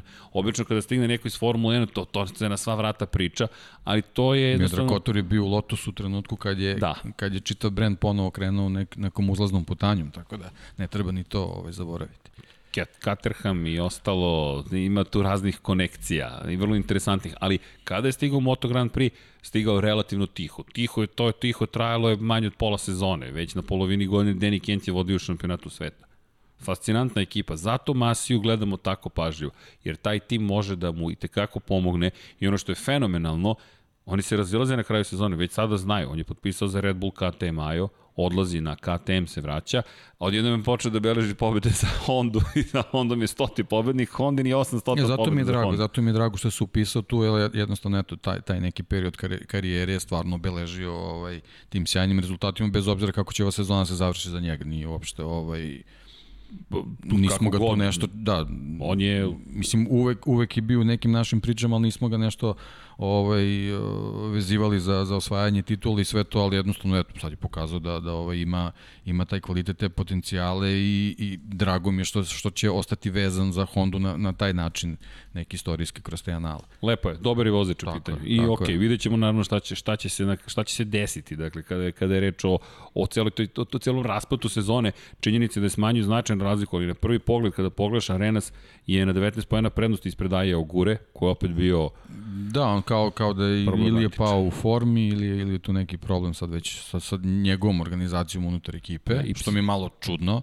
Hiroshi Aoyama vodi taj da, tim, to, to je svetski baš, šampion. Baš onako čudno, mislim, on stvarno ima sve, sve preduslove da, da o, mislim, pričali smo od početka sezone, njemu je isto preko potrebna neka pobeda ali sad više to, to nije sad stvar pobede, stvar je da bude u nekom razumnom plasmanu koji podrazumeva pozicije, ne mora na podijum, ali bar da, bar da bude tu negde. Jel vidimo iz, od Arenasa, isto Arenas je uvek tu negde u, u ovom, u ovom delu sezona i on, i on i dalje je šampionat Ogura, pod, pod njegovom kontrolom. Ogura, Ogura s druge strane nigde ga nije bilo.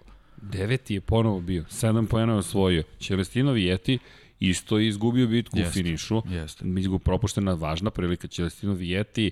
Delovo je mnogo bolje nego prvog vikenda, ali kada sve sabereš 18 pojena iz dve trke u Aragonu za Vijetija, 22 za Arenas. Arenas je opet napravio korak napred. Da, Arenas drži 50. stvari u svojim rukama. Znači, pa da. jednostavno sve, sve od njega mira. zavisi, da, sve od njega zavisi, tako da, dobro, mislim, nije, nije ista situacija pre svega zbog ove kategorije. Jednostavno, mislim, Arenas zbog jedne krivine može da završi 15. trku, a da ti bude treći u tom trenutku ili da sa treće pozicije pobedi. Znači, to su, to su stvarno ovaj, ovaj, te, te, te čari draži te Moto3 kategorije, ali da, on drži stvari dalje u svojim rukama i od njega sve zavisi i to se videlo na ovoj trci. On je shvatio, znači ja moram da izbijem na prvo mesto i da sam ja taj koji diktira tempo, pokušavajući da razbijem grupu. Na, na, ovoga puta nije uspeo u tome, ali okej. Okay. Pa on je sada u poziciji, iako je to, kao što si lepo sad opisao, vrlo teško, ali u poziciji sa 24 pojena prednosti odnosu na, na, na, na, da kažemo, najopasnijeg trenutno pratioca, a to jeste Masija, u mogućnosti da završava na drugoj, trećoj poziciji do kraja sezone praktično, da odbrani svoje, da odbrani svoju vodeću poziciju. Sad naravno to je pitanje filozofije, u pitanje situacije. Pa sa tri druga mesta, to a to. da, da on pobedi, Masija da pobedi na sve tri, to je 15 bodova. Tako je. Znači, Čak ni u Gura da. sa tri pobede i sa tri druga tako mesta Arenas ne, ne gubi titulu. Tako je, tako a njegov tim predvodi Jorge Martinez za Spar, koji inače titulu nije osvojio od skoro celu Oni su ga rasteretili ovaj, ugovorom. Jesu. Tako da... Poslali su ga u Moto2 klasu. To je, to, to je poruka iza njega. Šta mi još trebamo da uradimo? Ništa. Znači, Ništa. Ti si uradio šta je bilo do tebe, ovo je bilo do nas, šta ćemo sad ove tri trke? Hajde, hajde te kvalifikacije malo da, da, da popravimo. I... A, izvini, znaš šta mi je fascinantno? U Moto, a, u Moto3 eri, u eri dvo, četvrtaknih motora, koja je počela 2012. godine, Jorge Martinez za Spar nikada nije imao šampiona. Nikada nije imao šampiona. To je ekipa koja je svala titule sa Gaborom Talmačijem, koja je svala titule sa Julianom Simonom, koja je svala titulu 2011. sa Nikolasom Terolom. To je tim koji je bio u smeni između Aki Ajo, Jorge Martinez za Spar. Ja naša je neparna, to je njihova je bila neparna, a parna je bila Aki Aja. 2008. dođe Mike Dimelio osvoji titulu, 2010. dođe Mark Marquez osvoji titulu, 2012. u prvoj sezoni Moto trojki, trojki dođe Sandro Cortez osvoji titulu E, onda se pojavio već, ma, onda su se stvari zapravo počele da se menjaju. Pojavio se Maverick Vinales, pojavila se ekipa zatim Estrelje Galicije, na neki način Mark VDS Racinga, to je stoje Monlau da, Competition, da, da, da. i onda dolazi era Leopard Racinga koja je tako kako jeste i ponovo Aki Ajo povremeno uskoči, jednom je uspeo Gresini, Aki Ajo inače sa Bredom Binderom, Gresini je uspeo pre dve godine sa Jorgeom Martinom, Jorge Martinez Spar, da, 10 godina skoro. Da, nabrojao uh, ekipe koje imaju reputaciju pre svega zbog ljudi koji ih vode, sve su, sve su to ovaj, velike ekipe i sad baš će biti zanimljivo da vidimo Leopard i Aspar kako se snađu u ove tri trke. Super, super. Pazi, baš. trljamo ruke. Da, da, da, da, mislim definitivno. Odlično Da. Odlično. I dolazimo do Ugure koji predstavlja Honda Team Azije. To je de facto fabrički tim Honda. To zato, je... zato i kažem, zato mi je, zato mi je čudno da, da, da se ovako izgubio u ove, ove dve, tri trke. Da li on neki pritisak je osetio u nekom trenutku, ne, ne znam stvarno ali da. definitivno da. ovaj, nedostaje nam u, u ovom finišu. Meni deluje kao da je to taj čuveni strah od uspeha, da, da, da, da to je taj moment kada nisu svi rođeni za, za centar pažnje. E to je vrlo teško kada se boriš, kada se takmičiš u nekom spo, u bilo kom sportu, jer konačno moraš biti u centru pažnje. A ovde, ovde stvarno, mislim, u bazenu sa ajkolama. Mislim, i kad Baš. pogledamo, ti kad nabrojiš, to je desetak vozača, onako Znaš stvarno dobri. Podsećaju, Moto trojke mi više liče na barakude. Moram da ti priznam, najviše me podsjećaju na Barakude, Ajkule jest, su Moto Grand Prix, to je već razrađen sistem. Neće baš odmah da te napadnem, da, malo ću da, da, da plivam oko tebe. Da, da, ali tu su u Jatus. ali vidiš u peraje, vidiš. da, Ajkule su ipak onako samotnjaci. Da, da, samotnjaci, da, da. kruže, ove Barakude da, da, idu, da, da, opa. Da, Arena se probao da, da, da bude samotnjak, ali, ali ne, ne može. Ne, ne, ne, ne, ne, nećeš pobeći. Zakačit ćemo se mi, naše uzice za tebe, idemo da te pratimo. Da. Kako je, Jumu Sasaki odvezao onu polno i zadnji pravac. Ja, ja, ja, ne, stvarno, ja, ja mislim, ono, gledao sam par puta ponovljen snimak, ja nemam arena su tu šta mnogo da zameri. Možda je malo preširoko otišao i, i to je sve, ali oni su sve majstorski su pratili. Deki koliko? Da. 20 cm? Da, da, da, da, bukvalno, bukvalno. Široko, da, da, 20 da, bukvalno, cm. Bukvalno. Posle koliko? 19 ali, krugova. Da, čitavu trku si tu, ali ne vredi, jednostavno ne, nemoguće. A to je fenomenalno, ti da. voziš 60 i kusur kilometra i onda ostaviš ovoliko prostora nekome i provuče se jedan, pa se provuče drugi, i se pitaš dokle. To je, mislim, što pričamo o, o tome koliko su oni na, na istom nivou svi ti vozači, da je stvarno yes. teško, u, posebno Moto3 razvajati bilo. Pa vidi nam osmeh na licu, da, da kao mala deca smo i oni su deca. Inače, kup Novajlija je isto bio zanimljiv. Tamo je tek zanimljiva ekipa koja nam stiže. Kolumbijska himna odjekivala, to je meni bio utisak. Nekako me potiče na Juan Pablo Montoyo, ja Kolumbiju vezujem za tu priču. I gledam, Alonso se zove, preziva momak i gledam Alonso, kolumbijac, i pobeđuje. Ok, ovaj momak ima svetlu budućnost. Ne, deluje, deluje, ovaj, deluje dosta sigurno. Meni, meni je posebno impresionirao na Red Bull ringu ona, on, po, po kiši kad su vozili na utrku. Baš je bio onako ti, ti kad nose te kacige ne možeš da vidiš kakva su deca u pitanju, on, on, on Ali baš kad... zrelo, zrelo da. i, i, i sigurno delovao i to što kažeš, nekako nešto oko njega već postoji, pa ću malo da ga pratimo da vidimo kako da, se to sve si ga... Pa da, da, onako, baš mi je, ovaj, kažem, ne, prilično je samuveren momak, tako, tako mi je delovao, da. mislim, naravno, ne, ne poznajem njih još dovoljno, ne, ne. ali gledajući kako, kako se razvija taj šampionat, on, mislim, to su dečica koje stvarno voze, mislim, to je, to je da kažem, kažemo na nivou Moto trojki u smislu koliko se drže zajedno i koliko ne, nema velikih razlika između njih. Pa vidi, u, u sezoni, ako nekako smo već videli Pedra Kostu kako osvaja titulu, Znaš, jedna greška, odjedno se stvari otvaraju. Da. Inače, Pedro Acosta, eto čisto da prenesem informaciju, potpisao već ugoru za pristup da, da, u da, Grand da, Prix. Da, tako da nama, da. Acosta je baš talentovan, da. dolazi jedna nova generacija, ali, ali Ali pa me... da, oni su već tu, ja mislim, sledeće pa da. godine. Samo pitanje godina, ćemo, da, da li imaš da, dovoljno godina? Godina i ti budžeti, to je sad već jedan, jedan korak dalje da dođeš u svetski da. šampionat, ali dobro. Mislim,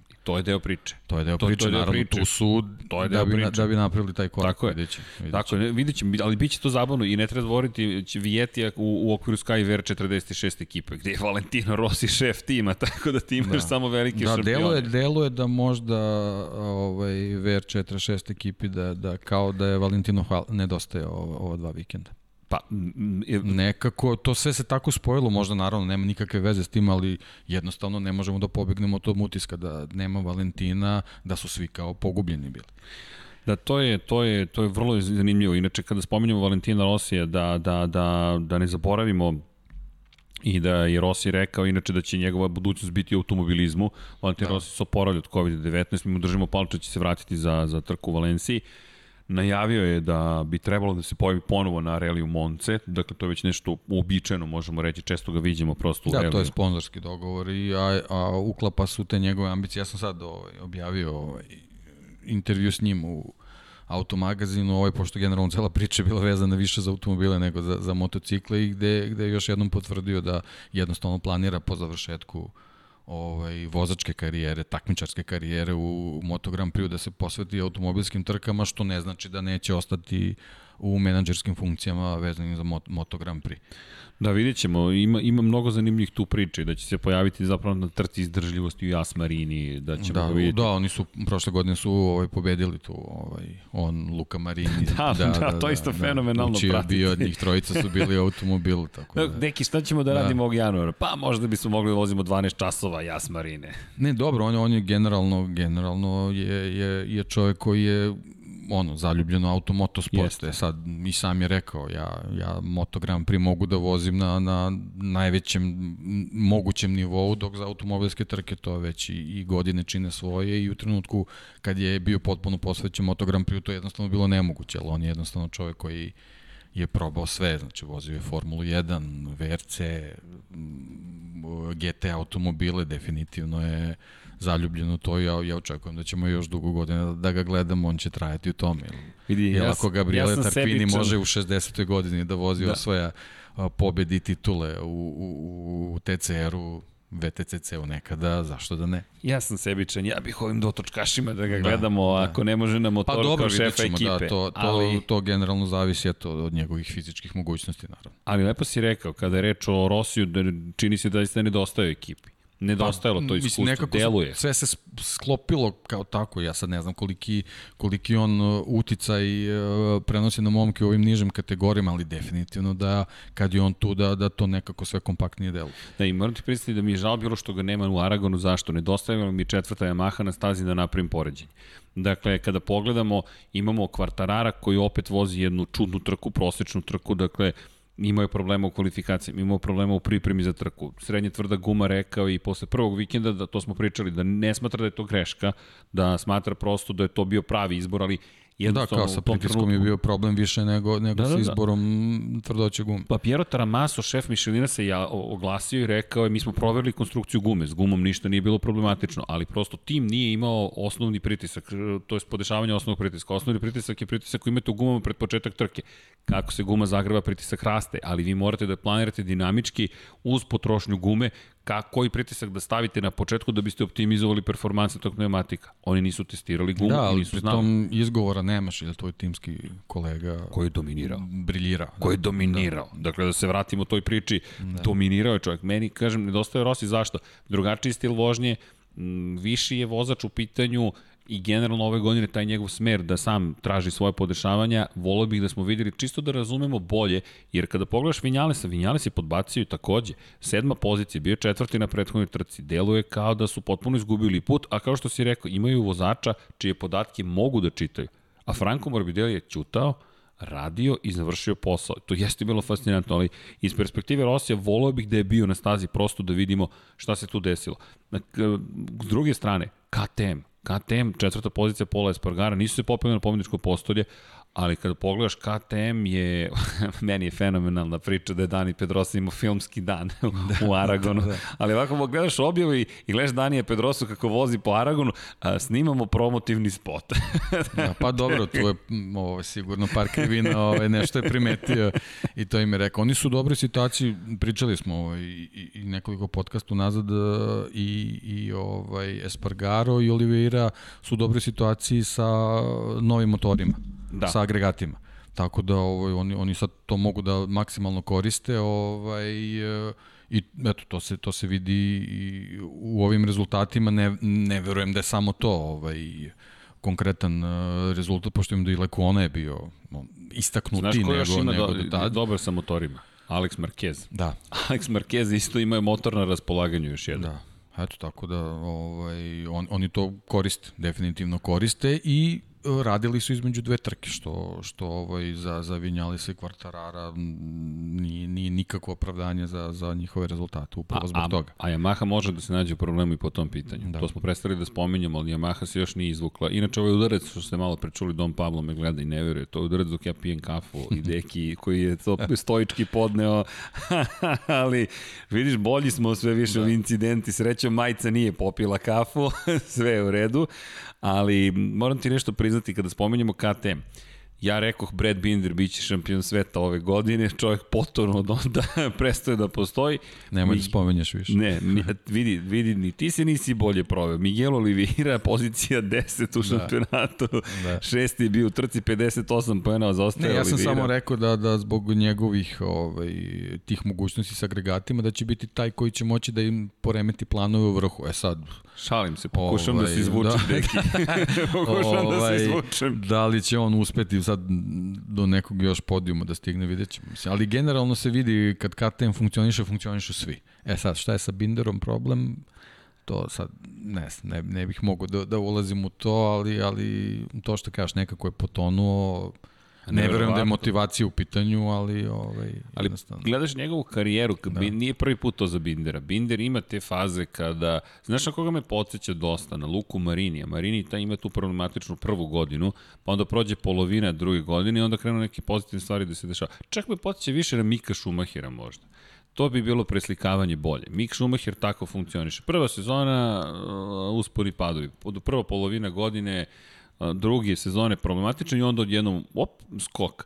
Ali, kažem, možda samo previše tu možda dobro, ovo sad, da, sad je ova da trka, ova trka jednostavno, eto, ta, taj neki trenutak ne, ne može da posluži sada za neku analizu, posebno što je jako kratko trajalo sve, ovaj, nego je, nažalost, zbog, zbog svega toga kompromitovao sledeću trku, tako da, ovaj, da, taj, taj dugi krug Biće skup. Pa biće skup, jednostavno takva je staza. Da, da e, upravo da, to. U sad, Brnu... Sad da li, da li iskoristiti taktiku kao što smo videli s nekim vozačima u trojkama odmah uradili dok, dok je još dok su svi bili u grupi, ali ovo ipak MotoGP, to je, to je druga priča. Kako god radiš dugi krug, u zaostatku u zaostatku si, da, da, jedino da. Zarko u Brnu. Da, da. jedino da, Zarko da. u Brnu, to je jedini čovjek koji može da veze dugi krug i bude na pobedničkom postoju.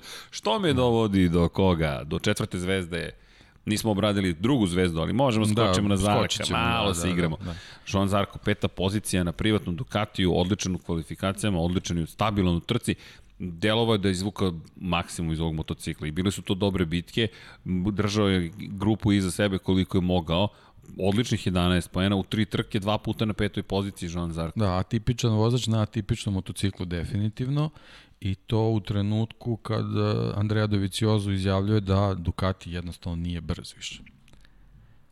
I to se vidi na svim ostalim vozačima, samo Joan Zarko, uključujući i njegovog klubskog kolegu, kolegu je. koji je na prošlogodišnjem modelu isto, da, kao da, Zarko, dakle tu nema sve, razlike. Sve je apsolutno isto, gde, gde čovjek se jednostavno bori za podijum, to je onako stvarno, i, i pri tom u finišu trke spomenuli smo Oliveiru, on je, on je jednostavno zadržao, zadržao pola, možda nije mogao, ali jednostavno Oliveira Nije imao šansu. Nije, našao rešenje. Nije, nijedno, zatvorena da, su sva bila da, vrata. Da, da, ono je baš bila školska vožnja. Kao što smo hvalili Pola Espargara kako je vozio defanzivnu Mizanu, tako možemo da hvalimo Zarka kako je vozio. I Kvartararo je mnogo dobro odvezao toj defanzivni. Defanzivnu fazu je od, odradio dobro. To, to moram da, da kažem. Dakle, jeste osmi bio na kraju. Ali, kada je reč o Zarku, prošlogodišnji motocikl, meni deluje da je Zarko, da će Zarko na, zaista na je putu da nađe svoje mesto pod suncem u Pramaku. Da. Mislim da bi njegova karijera bila identična identična onoj karijeri u KTM-u, da je otišao u fabrički tim Ducatija. I mislim da mu uopšte ne treba da bude u fabričkim timima, to su relativno konzervativne sredine, teško je tamo imati neku veću slobodu. Pramak vam daje taman da, dovoljno. Da, potpuno se slobodu. slažem s tim, posebno zbog toga što smo ove godine videli da je Pramak u stanju da isporuči motocikl ravan fabričkom. Jest. Ne, ne, ne fabričkom motociklu, to je isto fabrički motocikl, nego ravan performansama a, motocikla koji stižu iz fabričke ekipe i, i da pripreme smislu, trku. Je, jer to je. nije samo, pri, samo, to je priprema, kao što smo rekli malo pre za gume, dakle, koji pritisak ćete imati u gumama, to je vrlo ozbiljna kalkulacija.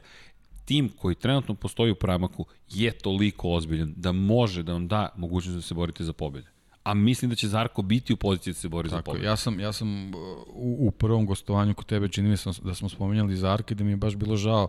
Ja sam napravio tu, tu, tu neku liniju sam izvukao kao da ti dođeš u fabrički tim KTM-a i onda se srozaš bukvalno u, u, u, u, u, u ovaj, uh, najslabiji Ducatijev tim, što ne bi trebalo da bude kao uh, neka pozitivna tačka u tvojoj karijeri, međutim izgleda njemu uh, sve što se dešavalo ove sezone baš prijalo upravo iz toga što je, što je dokazao svoju reputaciju. Mislim, imao je, imao je te neke crne trenutke, to znamo, međutim on je nekako a, a, a, gospodski se ponao u, u svim tim situacijama i izdigo se iznad svega, svega toga i, i nije izgubio ništa na svom rejtingu a samo je a, e, vožnjama ovaj, dokazao da, da, da, je, da je zaslužio da, da, da ponovo proba da ode stepenik više i upravo to potpuno se slažem s tobom. Mislim da je bolja opcija Pramak od, od, od fabričke ekipe. Na šta se meni tu dopada? Dakle, on je rekao, možda mislite da sam ja lud, ali ja verujem da je ovo način na koja ovo treba da postavim. Meni je to jedna od najlepših poruka. Da, dosta je autodestruktivan bio u tom momentu ili inicijalno tako deluje. Ali čovek je rekao, ovo je ljudi moj put Meni je to fantastično. Dakle, ne, neki trasirani put koji, koji je neko drugi rekao. Nije ni bitno da li je pojedinac, korporacija, grupa ljudi.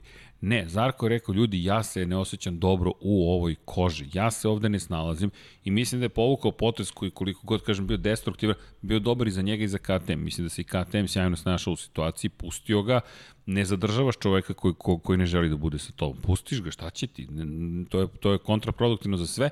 I Zarko koji je našao prvo Hondu, Lučić Čekinelo Racing koji ga je podržao prošle godine, ajde da vidimo šta možeš. Nisu hteli da produže ugovor, to je da mu daju ugovor za ovu godinu, imali su Takaki Nakagamija, deluje da su oni napravili pravi potez, i e-sponzorama koja je malo tako bila grublja prema Karlu Abrahamu, dovodi Zarka i Zarko koji sad pokazuje sve to. Ali meni pojenta jeste da je išao svojim putem. I evo kada čovek ide svojim putem, to ono što si pričao za Rosija.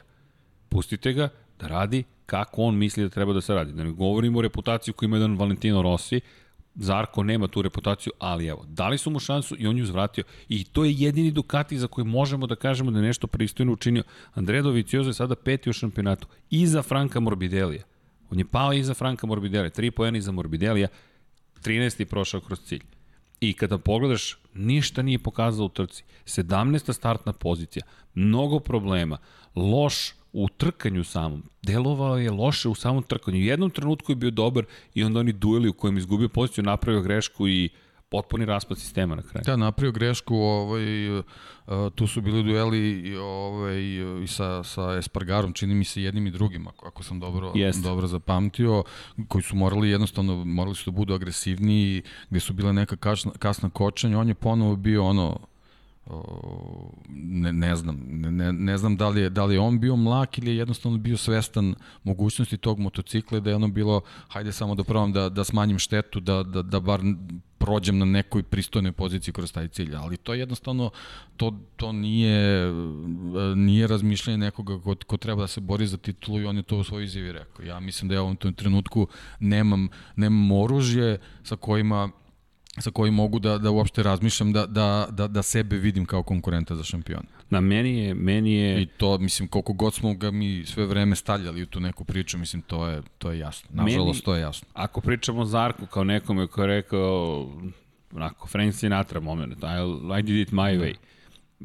Deluje mi da je potpunosti izgubio svoj put Andrea Dovicioza. Da, da nema više tog puta i njegova rezigniranost, to je sada već rezigniranost i njegova bezvoljnost gotovo je ono što je meni najveći problem. Da, to, to jednostavno tako deluje. Mislim, mi, mi ne možemo ono ispod kacige da vidimo Jasne. u tom trenutku kakva su, kakva su razmišljanja. Ovaj, mislim, ja sam siguran svaki, svako, svako od njih kad sedne na taj motocikl, naravno, ni slučajno ne sme da pomisli da bude opušten ili ne znam ovakav ili onakav, jednostavno bave se takvim, takvim sportom gde, gde, gde, gde oni sede na temperanim bombama. Mislim, znači jednostavno ne, nema tu opuštanja, ali upravo to što si rekao, on, on jednostavno ne pokazuje nikakvu volju u bilo kakvom duelu. To je, to je taj problem. I izjave, meni su meni sve to problematično. Lepo si rekao, mi ne možemo da znamo, ali već smo naučili da Vicioza dosta iskren. Dakle, dosta toga daje u izjavama. Njegove izjave su gotovo da je prešao u fazu cinizma, čak to nije ni sarkastično, to je sada gotovo cinično, da on se smeje na pitanje šta ćeš, kakav ti je plan za trku. kakav plan? Da. Ja, mi nemamo, mi nemamo poziciju za plan, mi sad nemamo ni brzinu za plan. Problem leži opet u tome. Eno ga Zarko, Ga čovek koji nešto tu radi kako treba. Da, razlike postoje jasne u, u motociklima, inače pohvale za Ducati. Ducati je ozbiljno podržao Zarka, Dakle, uveo je sve gotovo nove sisteme koji su uveli u motor za 2020. Ducati je primenio i na motociklu za 2019. godinu. To, to je vrlo ozbiljna podrška fabrike. A vidi se, vidi se. I to, da, tako je, vidi se. I ti gledaš motor koji se dalje razvija, što nije mali trošak, to je jedna ozbiljna investicija Priča se inače da Ducati je u probleme financijski, pa je zato sada počeo da gubi Moto Grand Prix. Ne slažem se s tim. Ne, ne. Da Ducati poslednje gde će sada utkinuti novac jeste Moto Grand Prix, jer to je jedino preostalo mesto gde može da se promoviše u ovom trenutku. Vi u ovoj krizi, ako negde sada ne smete da posrnete, to je upravo ovo gde vas cela planeta gleda. A gledanost je porasla ove godine. Da, posebno što morat ćemo i toga se dotaknemo, pošto nismo prošli put u Superbike šampionatu, Ducati više ne dominira. Čekaj, čekaj, ne da dugujemo, Johnny da, Rea, da, jao, da, da. jao, jao, jao, jao, jao, da. sramota. Evo zelena stolica, ovo je za njega, ovo je njegovo mesto. Evo. Da, John, da. Johnny Rea, da možemo odmah. Evo, Kako god odmah, hoćeš, kako vidi, god hoćeš. želim zato što je to čista emocija. Ljudi, ne zamerite, ali... Evo ja se izvinjam, ja se kao čovjek koji... Inače, ti, ti, kad si, ti si rekao kad si prvi put gostovao, kad si postao da, da, da, da, da, da, vo, da budeš domaćin? Don Pablo, kada se to desilo? Pošto ne, nije primetio descriptionu da je domaćin, da, da, da se promeni opis. Ti nisi gost, ne, ne znam, možda, možda ti to nisi usvojio, ali te, to je... Hvala ti, pa Vidi, ne znam. jesi, nema, nema, nema to diskusije, dakle, zna se, ti si domaći. Tako da, da sada drugi gostuju, dakle, Džanki, Paja, ti, ja, to su domaćini. Ovde Dom Pablo se podrazumeva tamo. Dakle, Vanja, naravno. Ne, čuj Vanja, da. Vanja je šef, nije Da. on domaćin. Vanja, vidiš da ga nema danas, dakle. Da. Dok Tu on, neki je rade, on, tu šalim on, se, tu. naravno, Vanja je uvijek tu. Deki, ti si toliko drag i ozbiljan uvijek, dakle, ni ove moje grube šale ne mogu proći. Ali, Johnny Rea, i slažem se, zelena, ka, zelena fotelja je tu za njega, šest titula šampiona sveta u Superbajku za redom. Čisto da ponovimo, šest puta za redom. Mi evo, slav, proslavili smo prvi rođendan Lab 76, znam koliko vremena prošlo. Ne mislim da zamislim neko ko je na vrhu sveta, mi smo tek počeli, mi smo dečica. On čovjek šest titula za redom s Kawasaki. Šest potpuno zasluženih titula. I to kako ih je osvajao. Ti kada pogledaš, meni je možda najfascinantnija sa protiv Alvara Bautiste. Alvaro koji je krenuo da dominira na Ducati, ti vidiš, ma ne, evo, Johnny i Kawasaki su pobeđeni, nema više te dominacije, sila je zaustavljena, novo se pojavila, kada već spominješ i Ducati, jedan pola, pojedina sezone Johnny kreće. Pobjeda, pobjeda, pobjeda, pobjeda, drugo mesto, pobjeda, pobjeda, pobjeda, drugo mesto, pobjeda. Alvaro koji počinje da popušta, ko osvaja titulu, to je brani titulu, Johnny. Da. Uh, Johnny je čovek, ovaj, uh, on je, on je čitavu sezon, uh, čitavu karijeru bio vezan za Hondu. Da, to, to, to, to, je, to je smešno to u celoj je, priči. Ovaj, da. I, i e, ja imam baš na, na, na, na svom sajtu Sports magazina, ovaj, imamo intervju s njim uh, posle prošlogodišnje titule. I tu je u, u, u, u jednoj rečenici pokušavao da objasni kao neku svoju filozofiju kako to sve funkcioniše ovaj, gde je pričao da, da je ovaj, u mladosti ono, bio u fazonu hoću sad i hoću sve. Ovaj, on je, on je sa nekih 17-18 godina imao jako tešku povredu, ovaj, gde, gde su čak neki od lekara bile prognoza da ono, bukvalno je, je bilo na ivici da, da prekine karijeru.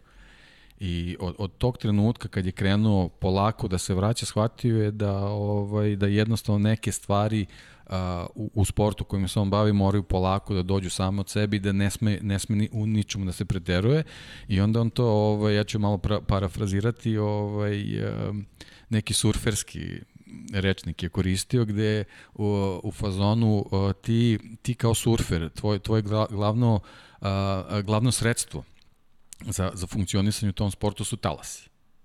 Tu, tu je daska, tu si ti sve to, ali talas je taj uh, koji je ključan za sve, ali ti talas ne možeš da doneseš. Ti talas moraš da sačekaš, da dođe, da bude idealan, da se nađeš na njemu i onda je na tebi da se što duže održiš na tom talasu. E, njegov talas je, je bilo to pojavljivanje Kawasaki. On kako je prešao u Kawasaki, njegova karijera je eksplodirala i on je čovek koji je na 300 od, uh, 304, 305 trka, možda ćeš naći tu ako imaš pri ruci, ovaj, zabeležio 99 pobjeda. Da, Znači, mi on, čekamo ju- stotu on juri, da, on, on, on juri stotu. stotu. Znači, on je praktično na svakoj trećoj trci u Superbike šampionatu pobedio. Ne, ali Tako da, šest titula, ka, kažem, jednostavno ne, ne da je zasluženo, nego, nego vidi, mi pričamo o sportu koji, eto, komentarisao, nisi komentarisao ti? a, Superbike ne. Ne. ne. ja sam samo automobila. Ja sam komentarisao vrlo kratko Superbike, to mi ima 13-14 godine, dakle odavno baš ne, Da, ne, ne, ne da. komentarišem, ali ga volim i pratim i to baš. Inače, po pozdravi za, za naše kolege i, i Nina Mitića s kojim sam radio i MotoGP, svašta smo nešto radili. Dakle, m, ka, Kawasaki koji je otišao nama iz Moto Grand Prix-a je neko ostavio rupu, prosto patim ja za ninjama, znaš, ta zelena boja, volao bih da su Moto Grand Prix. Otišli su u Superbike. Superbike zašto? O, ja obožavam Superbike, moram ti priznam. Imam slabost prema pogotovo Troju Baylissu, m, poštovanje koje ga, nevjerojatno mi je u muzeju Ducatija, svi, sve, sve, i Stoner i sve, ma sve, sve to super. Spomeneš ime Troja Baylisa, muk, to je obožavanje. Ne, ne, da, pa spomenjali smo Belis. sprint, mi smo ovaj, počeli sa radnju vezano za sprint magazin, duel Colina Edwardsa i Troja Baylis. Da, Baylis da. je kompanija. Troy da. Baylis je za mene stvarno legenda, ali kako to vezime sa Johnny Reom? Ljudi, to je period kada je Bailey se pojavio, kada je, kada je završen prvi veliki period dominacije, to je dominacije jednog od najboljih svih vremena, Karla Fogartija. Karl Fogarty je redefinisao stvari, u tom momentu su se dvotakni motori koristili u Moto Grand Prix. Fogarty i kompanija i, i generalno Superbike su zaista Globalna plenili. popularnost. Tako je, plenili su svojim nastupima. Ne moramo tu da pričamo o Britaniji, zato što oni jednostavno Superbike je tamo nešto. Ne, britanski super, sport. ne, da, to, to, to vidi. Je, Znaš šta, da. Alton Park, Coldville, da, da, zato je, staze. zato, je, zato su ove titula Johnny Rea u Britaniji mislim da je on ono stvarno ne, on je on je superstar. Da, ne, ne, on je superstar. superstar da. Dakle ne postoji britanski BSB, British Superbike je toliko poštovan. Ljudi, oni i dan danas, to ćemo možda u Portimao videti. Mislim da će Portimao biti jedina staza u Moto Grand Prix koja će nam doneti zrno toga da, da vidimo kako se vozi u Britaniji Superbike. Šta to konkretno znači? Vidjet ćete možda oba točka u vazduhu, ne šalim se. To je normalno u BSB-u. Normalno je da ti odeš u Coldwell i da preko prevoja ti si u skoku. Dakle, to je, to je tako inženjer planira da ćete voziti trku. To, to, to, se, to se ne radi, to nije motocross, mi govorimo o superbajkovima. To su motori od hiljadu i više kubika, dakle, to je to najelitnija kategorija kada je reč o, o, o uličnim motorima. Ulični, koliko liče na ulične, to da, su da. prototipi i samo je osnova ulični motocikl. I, i te, transfer tehnologije je išao u tom periodu iz Superbajka u Moto Grand Prix, a onda je krenuo iz Moto Grand Prix nazad u Superbike. I to su neverovatni motocikli. I, I ta kultura u Britaniji ima veze i sa Isle of Man i sa TT-om. Ma kako ne, tako. kako to, to je sve sve povezano. To je, to je, to je tradicija njihova, znamo koliko Britanci to neguju, tako da, da jednostavno a, te tradicije vožnje na Isle Manu i, i sve to što se spomenuo jednostavno preneseno je samo u Superbike kad smo dobili trke na zatvorenim stazama. Tako je, kružne staze i to je ali, to. Ali to je to. Full gas i... Bukvalno full gas. točkovi nisu bitni gde su, da su na u vazduhu. To je. I to je zaista da. za obožavanje. BSB ima čak tu dozu jednog jednog, možemo reći, sirove snage koja se osjeća u vazduhu i ne traži toliko finesa koliko Moto Grand Prix. Zato je prelaz u Moto Grand Prix toliko zahtevan. To ne znači da su loši ili bolji vozači, drugačiji su. Ne bih ih tako jedan na jedan poredio. U, u Moto Grand Prix vozači da ih stavite na Isle of Man, Ne, neće pa, tako. Pa Rossi je probao. Rossi je probao i rekao je ne, hvala. rekao je ne, hvala. Držit će se automobila posle MotoGP. Ali bilo je lepo da, taj krug, da. krug bogova gde su Giacomo da. Agostini i Valentino Rossi seli i zajedno se proveli Isle of Man TT. Sledeći nivo je Agostini, Rossi i Marquez da im se pridruži i to je to. Ali i Isle of Man, e da, hvala. E, da, dobili smo informacije previše nedelje za Isle of Man TT, gde smo dobili poruku, nemojte da brinete za spavanje, za smešte, za te stvari. Dakle, hvala, tražit ćemo vam podatke jer to ćemo tek da snimamo, ali idemo jedno po jedno. Dakle, Johnny Rea, posle Karla Fogartija, dolazi period kad imali su Jamesa Towslanda Britanci, ali niko nije tako dominirao. Dakle, Troy Bellis je osvojio tri titule, ali dolazio, odlazio, vraćao se. U to vreme mi smo imali mi smo imali ja, ja mislim jedan od najlepših, najromantičnijih perioda. Međutim, Moto Grand Prix uvođenjem kategorije Moto Grand Prix je počeo da odloči pažnju se Noriyuki Haga. Čekaj, Noriyuki Haga. To je taj period. I sada dolazi Johnny Rea u 15 godina kasnije i počinje da, usposta, da vas, vas postavlja jednu dominaciju, gde ti gledaš čoveka i kažeš, čekaj šta ovaj čovjek radi? Pritom ne sedi na Ducatiju. Ne sedi na Ducatiju, da. ne sedi ni na Hondi. Da. Ne zaboravimo, da. Honda je napravila VTR, bukvalno je napravila VTR, za one koji ne znaju, postoji tu istorija između ljudi. Honda, često, pošto je toliko velika, se smatra konzervativno. Ne, ne, Honda je ljudi takmičarska kompanija. Oni se ljudi trkaju. Honda je uzela i napravila ulični motocikl sa dva cilindra od 1000 kubika, samo da pokaže Ducatiju da može na, sa dvocilindričnim, dakle dva cilindra, da napravi jednu, jednu zver. VTR sada kada vidite, ti motori se više ne proizvode. To je jedan prelepi motocikl, da osvoji titul i sa Colinom Edwardsom je osvojila titule. Da. Ducati... Čuvena borba sa, sa čuvena Baylisom. sa Baylisom. U Imoli. Du, tako je, Ducati koji priča svoju priču. BMW koji pokušava tu da se nešto umeša. Da. I tu, i tro... BMW je u stvari primer koliko je teško Tako napraviti da Tako budeš je. super, super konkurent. I ti uđeš i kao, ma ne, mi smo BMW.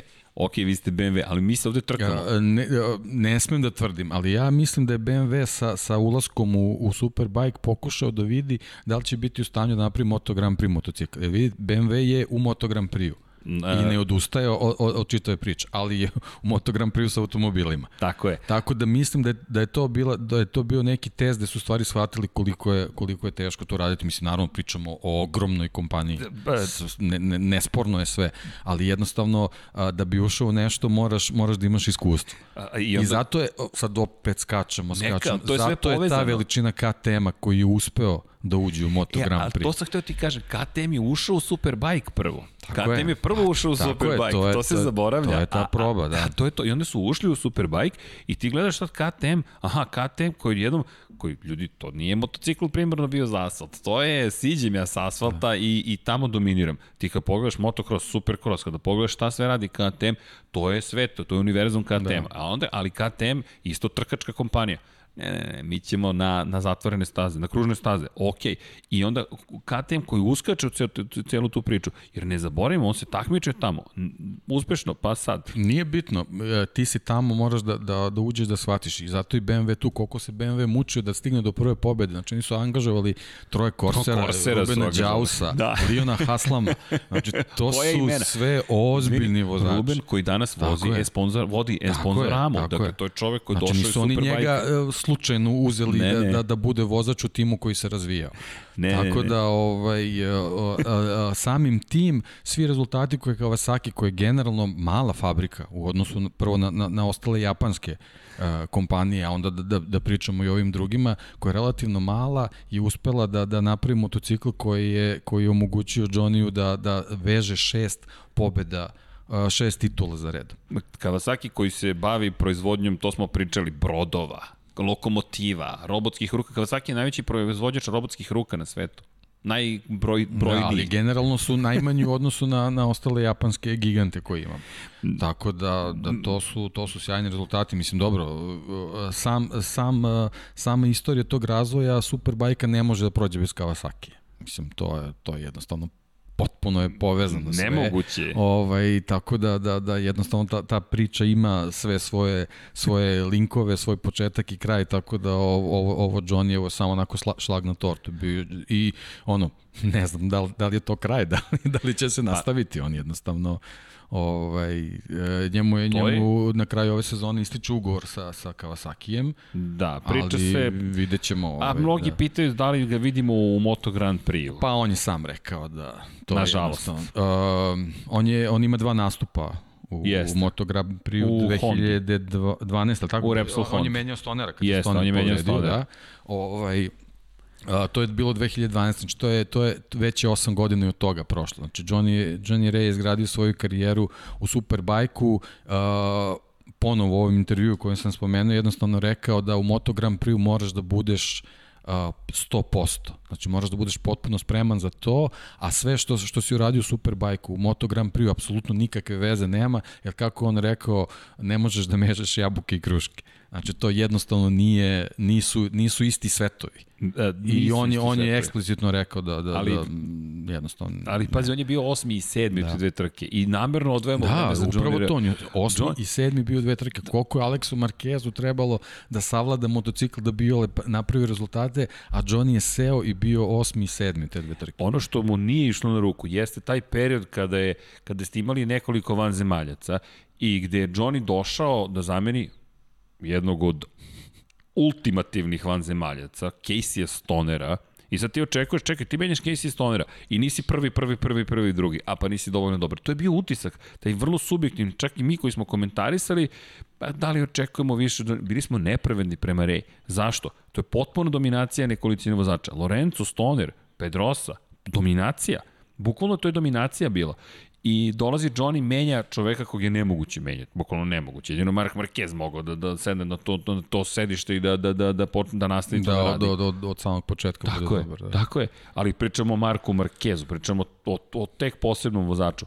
I jedno dolazi Johnny i ne dobije nikad šansu. Šteta, ali da li je šteta? Ako Pa pogledamo, evo, mislim, šest titula Tako za Kawasaki, tako ma to je fenomenalno. kažem, pri tomu, pri tomu disciplini koja su u njegovoj zemlji vrlo ceni. Tako je. Tako da to... I, I gde zaslužuje zaista I generalno, ozbiljne pohvale. b- to je sport, e, oni imaju tri trke za vikend. Da, sada imaju to, od, od prošle godine tri trke za vikend. Jako je, jako je teško koncentrisati se na tri starta. Videli smo kako je kad je u Moto Grand Prix kad se trka prekine koliko je teško koncentrisati se za ponovi start. Videli smo u Formuli 1 koliko je teško. A on svakog vikenda ima tri starta. Planski. Ako ne bude crvene zastave, je, onda tako, ih ima onda još. on ima još, onda ih ima još.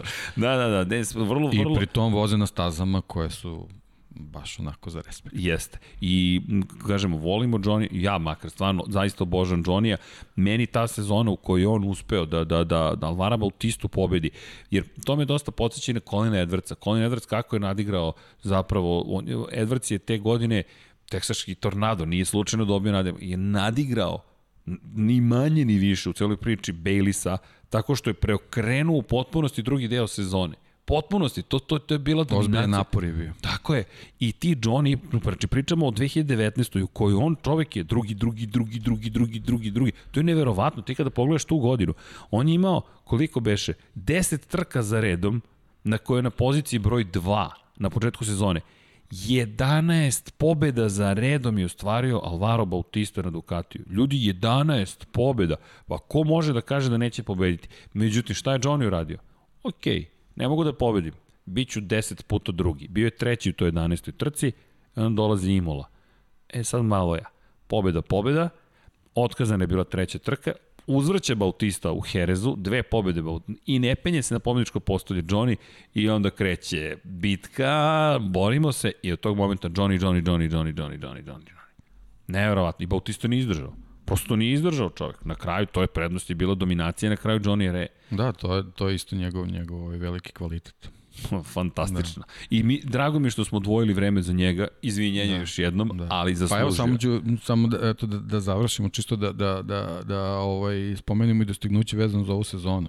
Uh, Johnny uh, ima duplo više osvojenih bodova od Alexa Lowe's, svog timskog kolege. Da. Alex Lowe's koji je pobedio na početku sezone i delovao kao da će ugrožiti Johnny u Kawasaki. Da. To se nije desilo. To se desilo. Inače, tamo isto imate drame dosta. Zašto? Pa na kraju sezone sedite, posmatrate ko će produ, produžiti ugovor, ko neće. Inače, iz britanskog Superbajka je stigao Scott Redding kao šampion. Da. Chase Davis da. nije dobio produženje ugovora, iako da. je treći bio u šampionatu. Da. Što dosta bilo veliko iznenađenje. I šta bih još spomenuo? Ljudi, i ovo, ajde, da ne, ne, ne igramo nagradne igre, ali prosto biće i ti, tih nekih zabavnih momenta, ali deki, da li znaš ko je, to, to ja ne spominjem dovoljno, moram da spominjem za Ducati, po, prvi pobednik u istoriji Superbajka. Pazi, to je sulud je odgovor, sulud je odgovor, ali je super kombinacija sa, sa celim motografijom. Davide Tardoci. Davide Tardoci, da, dakle da, čovjek koga sada da, da. u Ducatiju da. kako vodi ekipu, da koji je bio u BMW-u na početku njihovog Superbike programa. Tako je, on je sa Bimotom 1988. godine kada je osnovan šampionat zabeležio prvu pobedu isto. Da, Marko to su ljudi koji, to, koji su u tom svetu i, i oni to osjećaju. To, tako je. Z, zato su potrebni to. Tako je. Tako je, i sad, i to je i prednost i mana. Oni to gledaju kao trkači i kada pitate Tardocija nešto, treba da znate, Tardoci je sam vozio I pitanje je da li je nužno najbolji menadžer koga ćete izabrati, jer nije svaki igrač, vozač najbolji menadžer. Zašto? Zato što u jednom trenutku neće imati razumevanja kada mora da ima razumevanje, jer bi sam izašao na stazu možda, možda i učinio na stvari drugačije. Ali to su sve ozbiljni vozači.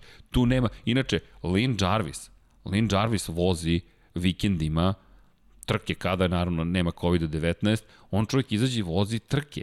Koje trke? Zatvorene trke, to su zatvorena liga, kup takmičenja, nisu čak ni takmičenja. O, to je jednostavno poluprofesionalizam iz perspektive vožnji. Vi ćete vidjeti čoveka koji ima 70 godina na svojoj Yamahi kako vozi stazom. Tako da, kada pomislite da Jarvis nije trkač, silno grešite. Tu nema netrkača. da. Tamo je svako na dva točka. Da bi bio uspešan, moraš da osjećaš taj svet. Je. To je to. Fenomenalni su i pravi su motociklisti. Tako I zato da, mi je žao, sad da se vratim na Ducati, što u Moto Grand Prix kao da, da, da su u, u, u poslednjim mesecima malo izgubili tu nit i ne osjećaju To je tu to. atmosferu, To je to, to. to je taj problem. To je taj problem. I za mene, jedan Za razliku, izvini, od sponzora Amede, Ruben Đausi, koji zna da, da, da, Znaš- da animira Zarka, sad šta je tu, kakav je tu problem sa rabatom, to, eto, A ja nažalost. mislim da Tito, da je Tito jednostavno ne tražimo opravdanje, ne, ne njemu ne treba nikako koji je opravdanje. inače bio svetski sa Mark. VDS-om, svetski šampion. šampion. Sve, sve je povezano, sve, je. sve je povezano. Tako je, on je, to, i to, to, to je jedna vrlo ozbiljna da. titula. Pete, Pete Benson i on su osvojili, Pete Benson, mi pričamo još jednom inženjeru da. koji račuje, radio sa Nikijem Haydenom osvajao titule. U Moto Grand Prix-u. Da. Taj čovek sedi pored jednog Tita Rabata. Nije Rabat loš vozač, prosto nije našao to što je neophodno za Moto Grand Prix i još jedna bitna napomena, 2018. godine u Silverstonu, njega je udario motocikl direktno. Slomio mu je butnu Ja mislim kost. da je to ključna, ključna stvar vezana za Tako karijeru je. Tita Rabata. I, I nažalost, kao što smo videli, Julian Simon se nikada nije oporavio, Kenan Sofoglu je napravio grešku, vozačku grešku, nije Kenan imao nikakvu nameru. Na kočenju, na ulazku, u to vreme to bila krivina 11 u Barceloni, dakle posle to, to vreme 10 bila duga krivina, sada je to krivina 12 u desno, je na kočenju pogrešio, promašio kočenje, direktno uleteo u Juliana Simona i smrskao mu desnu nogu toliko da se nikada Julian Simon nije više oporavio. Prosto to su stvari koje se dese.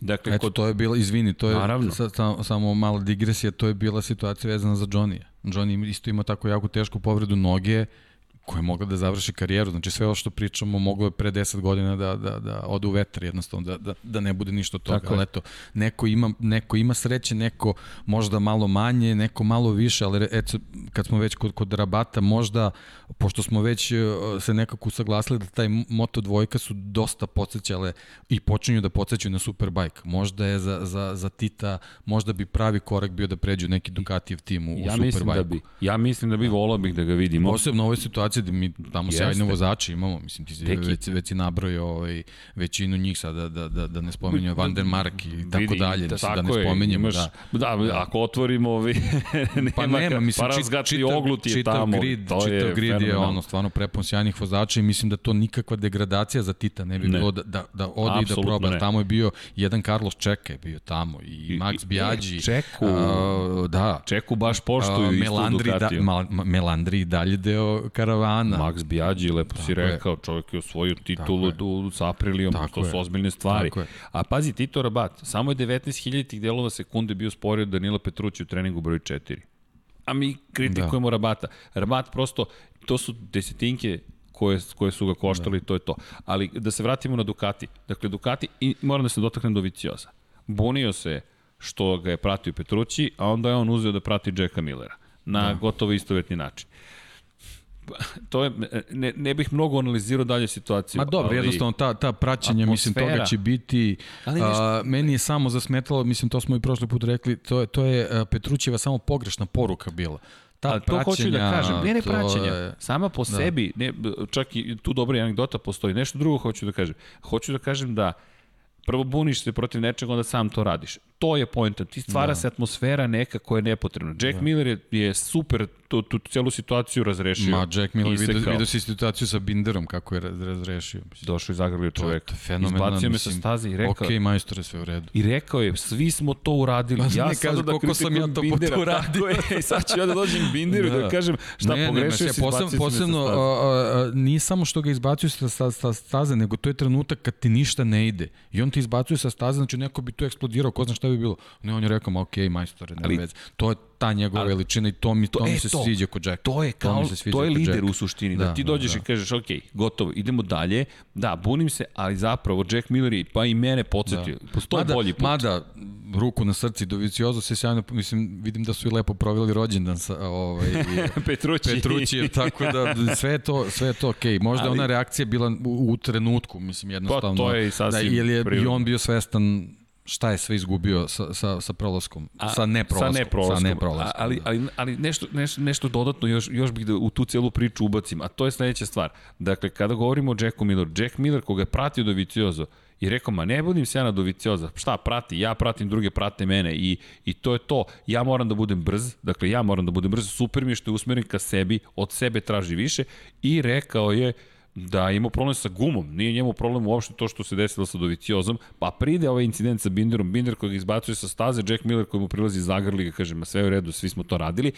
I još jedna bitna stvar u celoj toj priči, što tim potezima je završio sa pričama i onda savršena anegdota, Alex Rins po završetku kvalifikacija kaže, pošto je bio treći u kvalifikacijama, hvala Kvartararu da ga nisam pratio, ne bih ostvario ovaj rezultat. A mi smo podsjećali, prethodnog vikenda za veliku nagradu Aragona da će biti praćenje u Aragonu, to svake godine situacija. Međutim, Kvartararom je bio savršen. Pa ja sam pratio Rinsa pre toga, sve okej. Okay. Da, pa da, Savršeno, pa da, man, ljudi, ajmo dalje. To je to. Tako da je to bilo super, a Izvinjam se, kada pričamo o, o, o, o, o, ajde, Ducatiju, nema mnogo toga što možemo da dodamo. Jednostavno, Ducati u nekoj krizi. Kakva god da je, ona postoji. Da li će rešiti? Idu u Valenciju, gde, opet, možeš da se vratiš do stonera da bi pričao o nekim ozbiljnim rezultatima. Tako da sam vrlo skeptičan šta će se tu desiti. A pritom imaš Suzuki, Yamaha i Hondu. Koji su, I Suzuki, da, to isto bila da. uslovčeno kritika.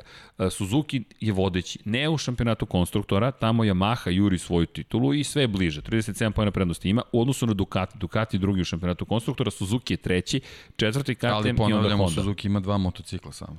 E, činjenica, činjenica, kako se boduje u šampionatu konstruktora, najbolje plasirani motor, jedan jedini vam donosi bodovi. I ovo što ti kažeš, ako imaš dva motora, mnogo manje šansi da ćeš osvojiti da. veliki broj poena i Suzuki iz te perspektive, što opet nadamo se da će biti još Suzuki u skorijoj budućnosti. Suzuki, Suzuki praktično pobeđuje samo sa jednim vozačem za sad. Tako je. Ali Yamaha, Yamaha, videli Yamaha smo, red, ređa pobede. Ređa pobede. Ređa pobede. Tako da, I to imaš dve pobede. Samo, samo Rossi nije pobedio. Da, od četiri Yamahe, tri da, su bila pobednička. Da, to, to je već taj hendikep Suzuki što se tiče tog šampionata. Međutim, Izvini, prekinuo sam te, počeo si ovom, ovom drugom šampionatu. Međutim, da. u šampionatu timova, tim Suzuki Ekstar, 7 pojena više od Petronas Yamahe. Petronas Yamaha. No, Petronas Yamaha. pa Ducati tim, pa da. Monster Energy Yamaha fabrički tim, pa Red Bull KTM, pa Pramac, pa i tako dalje, tako dalje. Ali, bravo za Suzuki. Da. Prošle godine smo pričali, baš u Lab 76 broj 1, smo pričali o tome da Marquez osvoji 25 pojena u šampionatu timova, sam, pošto Lorenzo nije svoj ni jedan poen, 23 zajedno osvoje Petrući i Doviciozo. I Marquez je sam na svoju volju doneo tri titule Honda prošle godine. Vozačku u konkurenciji konstruktora i konkurenciji timova. Ove godine Suzuki bi mogao do titulu šampionatu vozača i timova, Yamahi bi mogla ostati utešna nagrada konstruktora.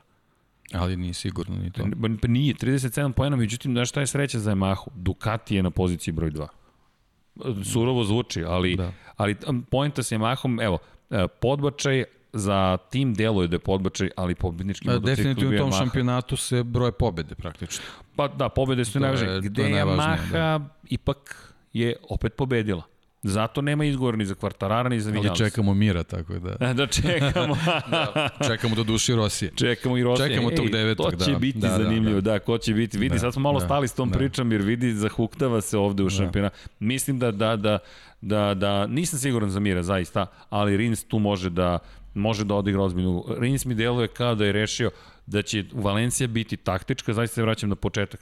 Taktika, Portugalija da će biti na sve ili ništa. Jer to je to, to je kraj sezone. Da, ako tako bude, ja mislim da će tu biti na sve ili ništa, kažem, jednostavno tu se računa prvo mesto, sve ostalo iza je potpuno svejedno na kojoj si poziciji u šampionatu.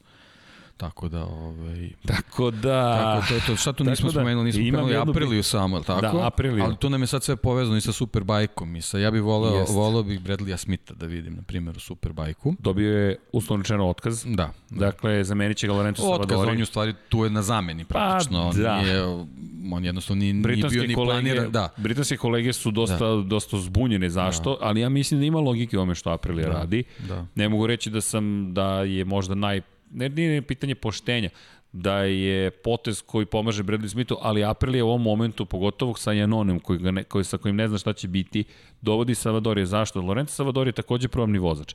Ti sada dovodiš koje je razmišljanje, dakle to su sad neka podeljene filozofije.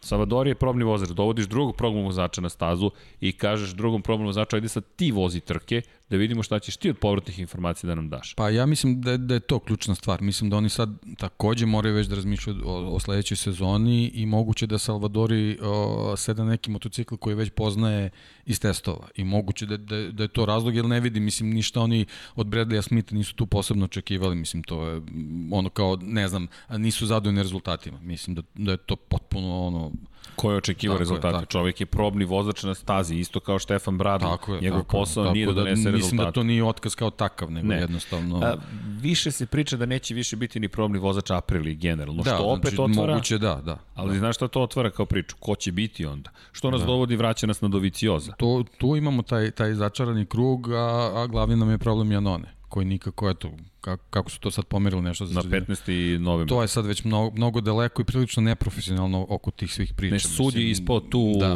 vrlo da.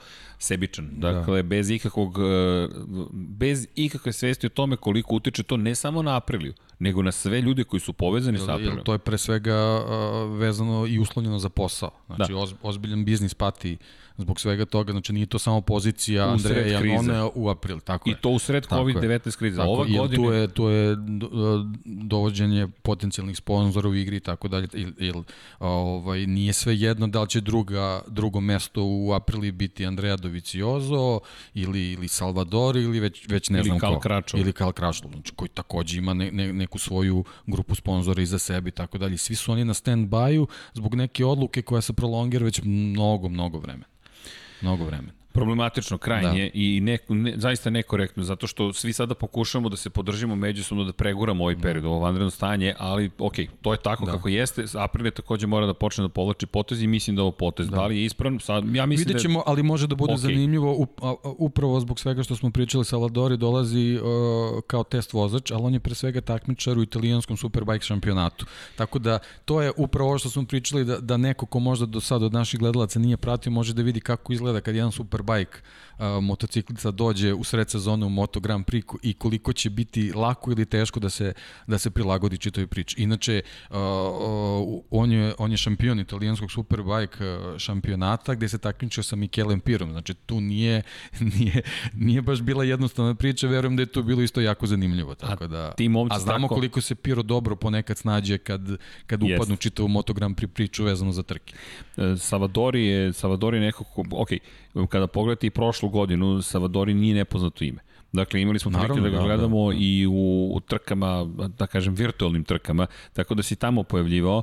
Međutim, još jedna bitna napomena za Lorenza Savadorija. Kada stigne, on dolazi kao neko ima iskustvo sa električnim motociklima takođe. On je energiku takođe koristio prošle godine. Dakle, to je čovjek koji ima ozbiljna iskustva. I kada govorimo o problem, zašto to napominjem? To ta količina sada iskustva i podataka koje će Lorenzo doneti sa i testiraju u Portimao, može i tekako da pomogne Apriliju toj poteri da, da, može da ne bude to, na začelju. Može to, a možda i Aprilija koje smo videli da jako vodi računa o svojim ljudima, možda ovim potezom želi njemu da da a, neku priliku da izađe iz senke zbog nekog svog potencijalnog angažmana možda u sledećoj sezoni. Možda. Da, Ko zna. znači to, to sve može da bude, mislim oni spajaju generalno lepo i korisno. Njima je bitno da je Salvadori na stazi zbog testiranja Jest. verovatno motocikla za 2021. Njemu će značiti eto da izađe iz neke senke, da se pojavi na nekom globalnom nivou na, na neki drugi način. Tako da Meni je ovo dobar Zašto da ne? Jer, kažem mi mi od Bradleya Smitha nismo puno dobili takmičarski ove godine, tako da pa, kogod na da. tom motociklu potpuno je sve jedno. Ajmo, ajmo da budemo ajmo da budemo realni. Dakle Bradley Smith je sjajan ovako. Naravno. Dakle za razgovor, super je sve to okej. Okay. Ali Bradley Smith od Tech 3 Yamahe nije pokazao taj nivo koji se očekivao. Vozio je fabrički KTM, KTM nije u tom momentu mogao da donese te rezultate, ali KTM je mogao da kaže, ok, ovaj čovek iza kulisa daje nešto što se nama dopada toliko da ćemo da ga zadržimo. Možda ga je zato i Aprili angažovala, mislim, ne, ne možda. Mo, gotovo sigurno. Verovatno je neka reputacija koju ste u KTM-u kao, kao probni vozač mu donela, donela istu praktičnu poziciju Aprili, jel, da se razume, on, on nije trebao da bude ne. na, na takmičarskom gridu. Njegov fokus je trebao da bude na Moto E šampionatu. Bradley Smith je čovek koji trebao da se bori za titul šampionata I to je ono što, što e pričamo o Moto E, e kategoriji treba neko veće ima. Bradley Smith je bio ime, on je tek 3 stigao kao jedan potencijal, kao neki budući šampion. Jeste. Kao, Pa e sad, vozio je za Jorge Martinez za Sparo 125 kubika, tako on je. se borio za titulu zapravo i došao je sa ozbiljnim pedigreom i ozbiljnom podrškom, stigao u teh tri ekipu u Moto dvojkama i onda polako gradio svoj napredak ka Moto Grand Prix. Imao onu sjajnu sezonu kada je šesti bio u šampionatu sveta. Nemoj zaboraviti, u Moto Grand Prix klasi je bio šesti tada, Bradley Smith. Tada. Tako je. Tako da od njega su bila velika očekivanja kao da u, u, u KTM. To se prosto nije materializovalo, postao je vozač koji razvija motore, to je isto ok, dobio je priliku u Moto E klasi, prošle godine nije se najbolje snašao, u jednom momentu čak nastupio u Moto 2 kategoriji i sada je dobio neku drugu ulogu prosto idemo dalje. Da, ali verovatno mu treba možda malo, malo da, da, da se konsoliduje, da se sredi, jer to skakanje s klase na klasu možda može nekad kontraproduktivno da bude. Pa vrlo verovatno. Tako da, da mislim da bi, da bi njemu značilo recimo, na primjer, odlazak u Superbike da, da dobije da dobije neki ugovor da bude vezan za čitavu sezonu, da, da bismo možda videli nekog drugog Bradleya Smitha. A kad smo već u Britaniji, da ne zaboravimo samo, Britanija, Italija, to je bitka u Moto2 šampionatu. Pohvalili smo Sema Lousa. Samo da, mi njima, njima nismo pričali. Nismo pričali uopšte. Spomenuli smo ih samo, da. ali, ali vidi, nekoliko stvari. Dakle, Moto2 bila, bila je, bila je I čak i te... MotoGP trka je bila. Tako je, ali, ali ja moram ti priznati, ne volim kada je svakog vikenda takva trka, ali ima dana kad prosto uživam u takvim trkama. Zašto? Gledaš čoveka na vrhuncu svojih dostignuća. Uživaš u, u, onome što je Morbidelli učinio, to je zaista master klas. Ja, ja to. moram priznati, ne sećam se kad sam posljednji put vidio moto, moto dvojkama da, da sa zida pokazuju vozaču, da kao smanje doživi. Take it easy. ali, ali on jednostavno toliko je bio siguran da, čekaj, kvalifikacije. Da je još 50 krugova bilo, mislim da bi istom tempu. Znaš koja je, me, me, meni je najbolja scena, zaista najbolja scena, kada je on u kvalifikacijama ušao krug ranije u garažu i Žil Bigo, koji ga gleda zbunjeno, šta ćeš ti, bukvalno šta, šta ćeš ti ovde?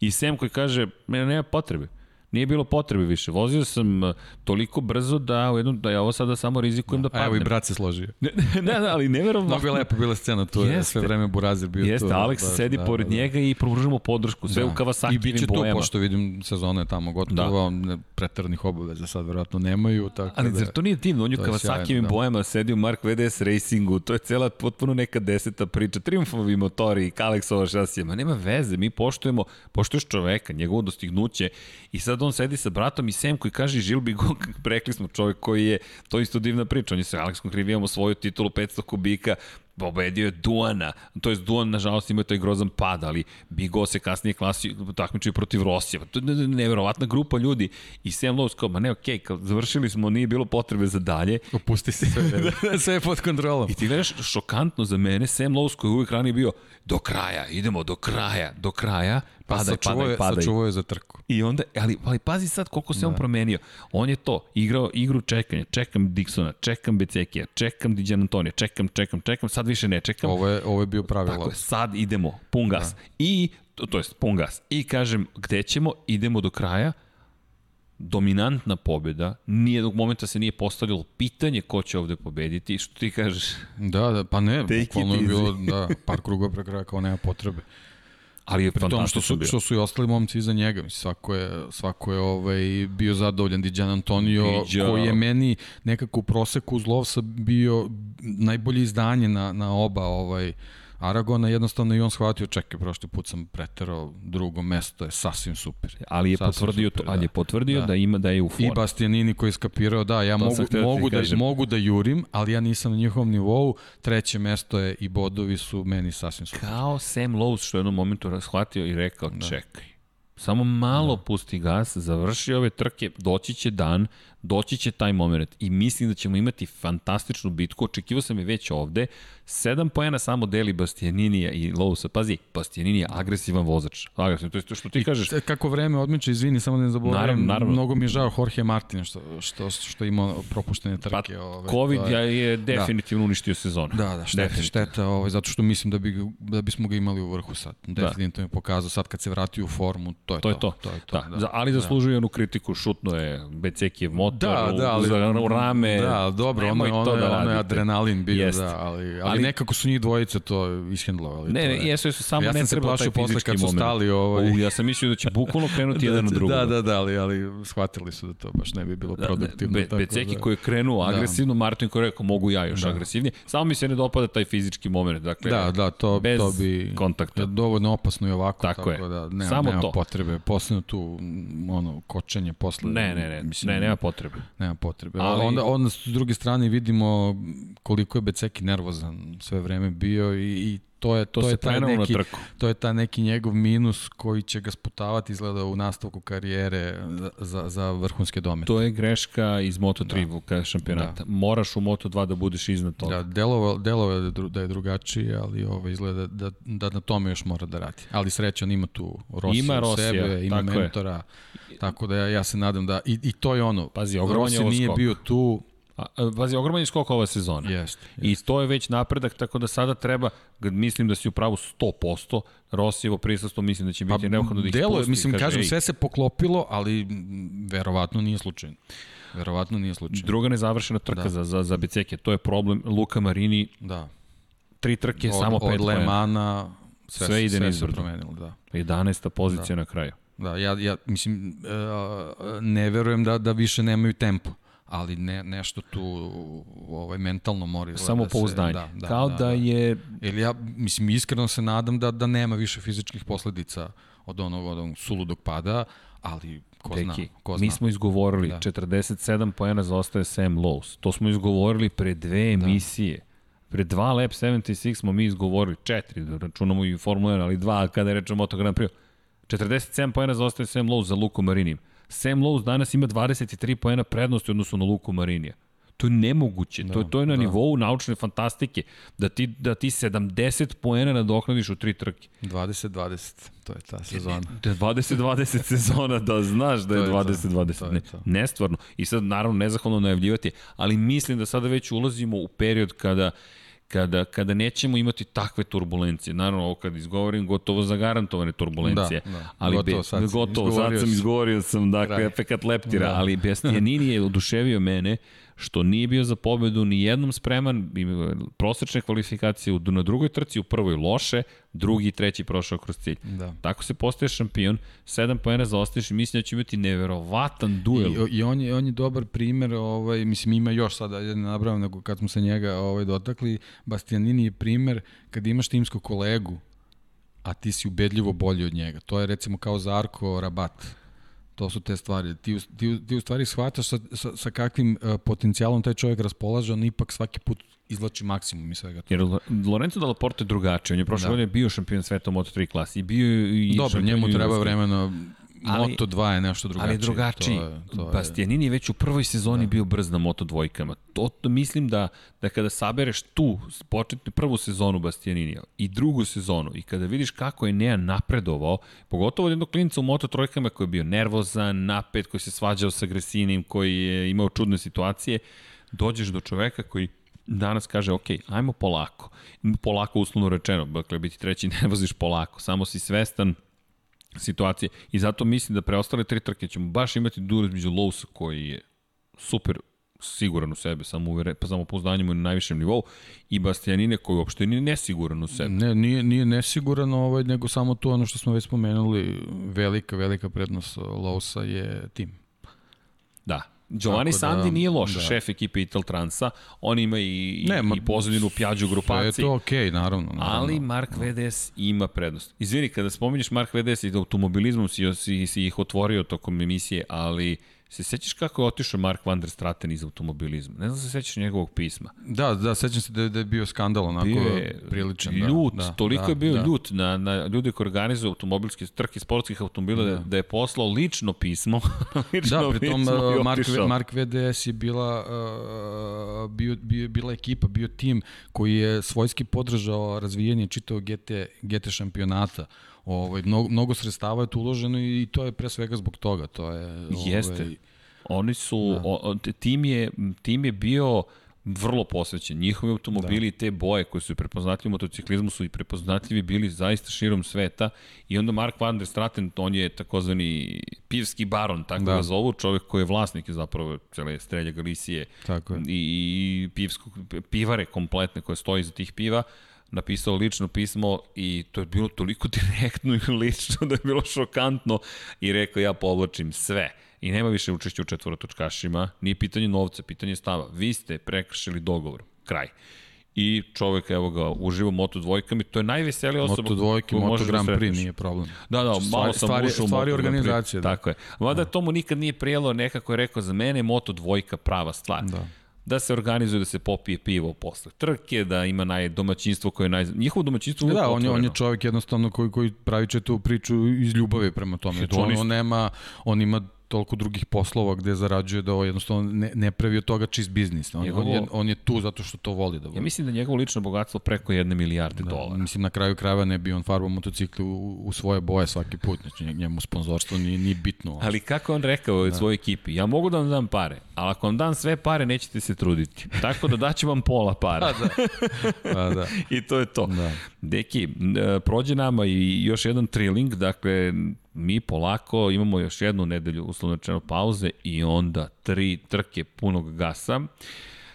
Šta da ti kažem, zadovoljstvo uvijek sa tobom, dakle, baš, baš mi je bilo lepo. Obostrano, hvala. hvala, dakle, sledeće nedelje, ne znam, najavit ćemo Valenciju na jedan, ja se nadam, lep način, ba, baš ćemo da sedemo da izanaliziramo prethodne trke, da vidimo šta se događa. Temperature ovoga puta ne bi trebalo da budu problem, najzad dolaze na mesto koje poznaju tako u novembru. Je, tako je, tako to je isto važno napomenuti, je prva trka posle Koja duže se vozi u terminu gde tako bi trebalo da se vozi.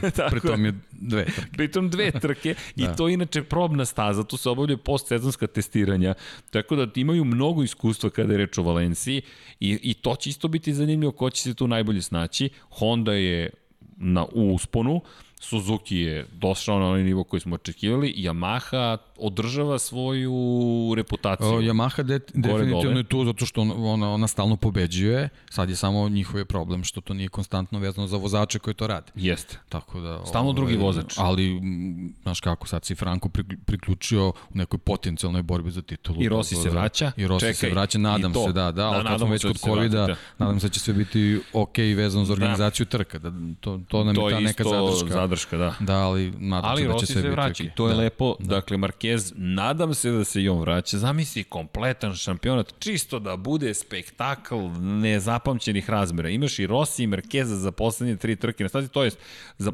sezone za poslednje dve, verovatno za Markeza. Ja bih voleo da je to pa da, moguće. mislim, čitav scenar ide, ide na ruku Dorni, ovaj, definitivno. Ovaj, tako da, nadam se, nadam se da će nešto toga se ostvari kao što se nadam da nećemo imati problema vezanog za, za, za pandemiju, posebno što vidimo da u Španiji Ima da, dosta da, problema, baš, ali eto. Baš problematično. Razmislit ćemo pozitivno. Tako Nadam je. Se će sve biti okej. Okay. Ljudi, čuvajte se i kada je reč o tome COVID-19, dakle da ne ulo toliko se priča o njemu, nema potrebe da mi dodajemo još neke informacije, ali emotivno samo vodite računa jednim drugima, to je najvažnije, dakle da, da kada prođe sve, svo ovo, ovo zaista ludilo, da polako uđemo u neki normal, da, da do tada preživimo, budemo zdravi, da nemate nikakve probleme.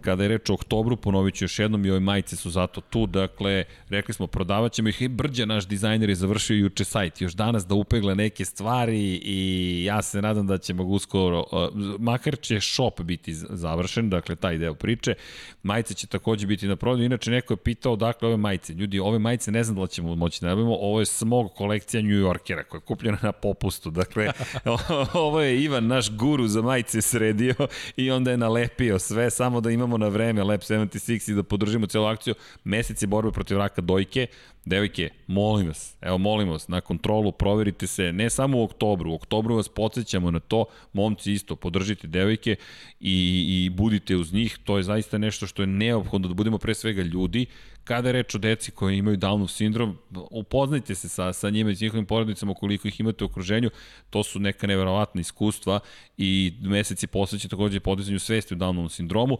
od narednog meseca, deki, ti već imaš bradu tako da si ti okej, okay, ali ja ću da krenem sa novembrom, pričat ćemo o tome, to je opet pitanje za muškarce, dakle, borba protiv raka, dakle, kada je reč i o problemima sa prostatom i o testisima i tako dalje.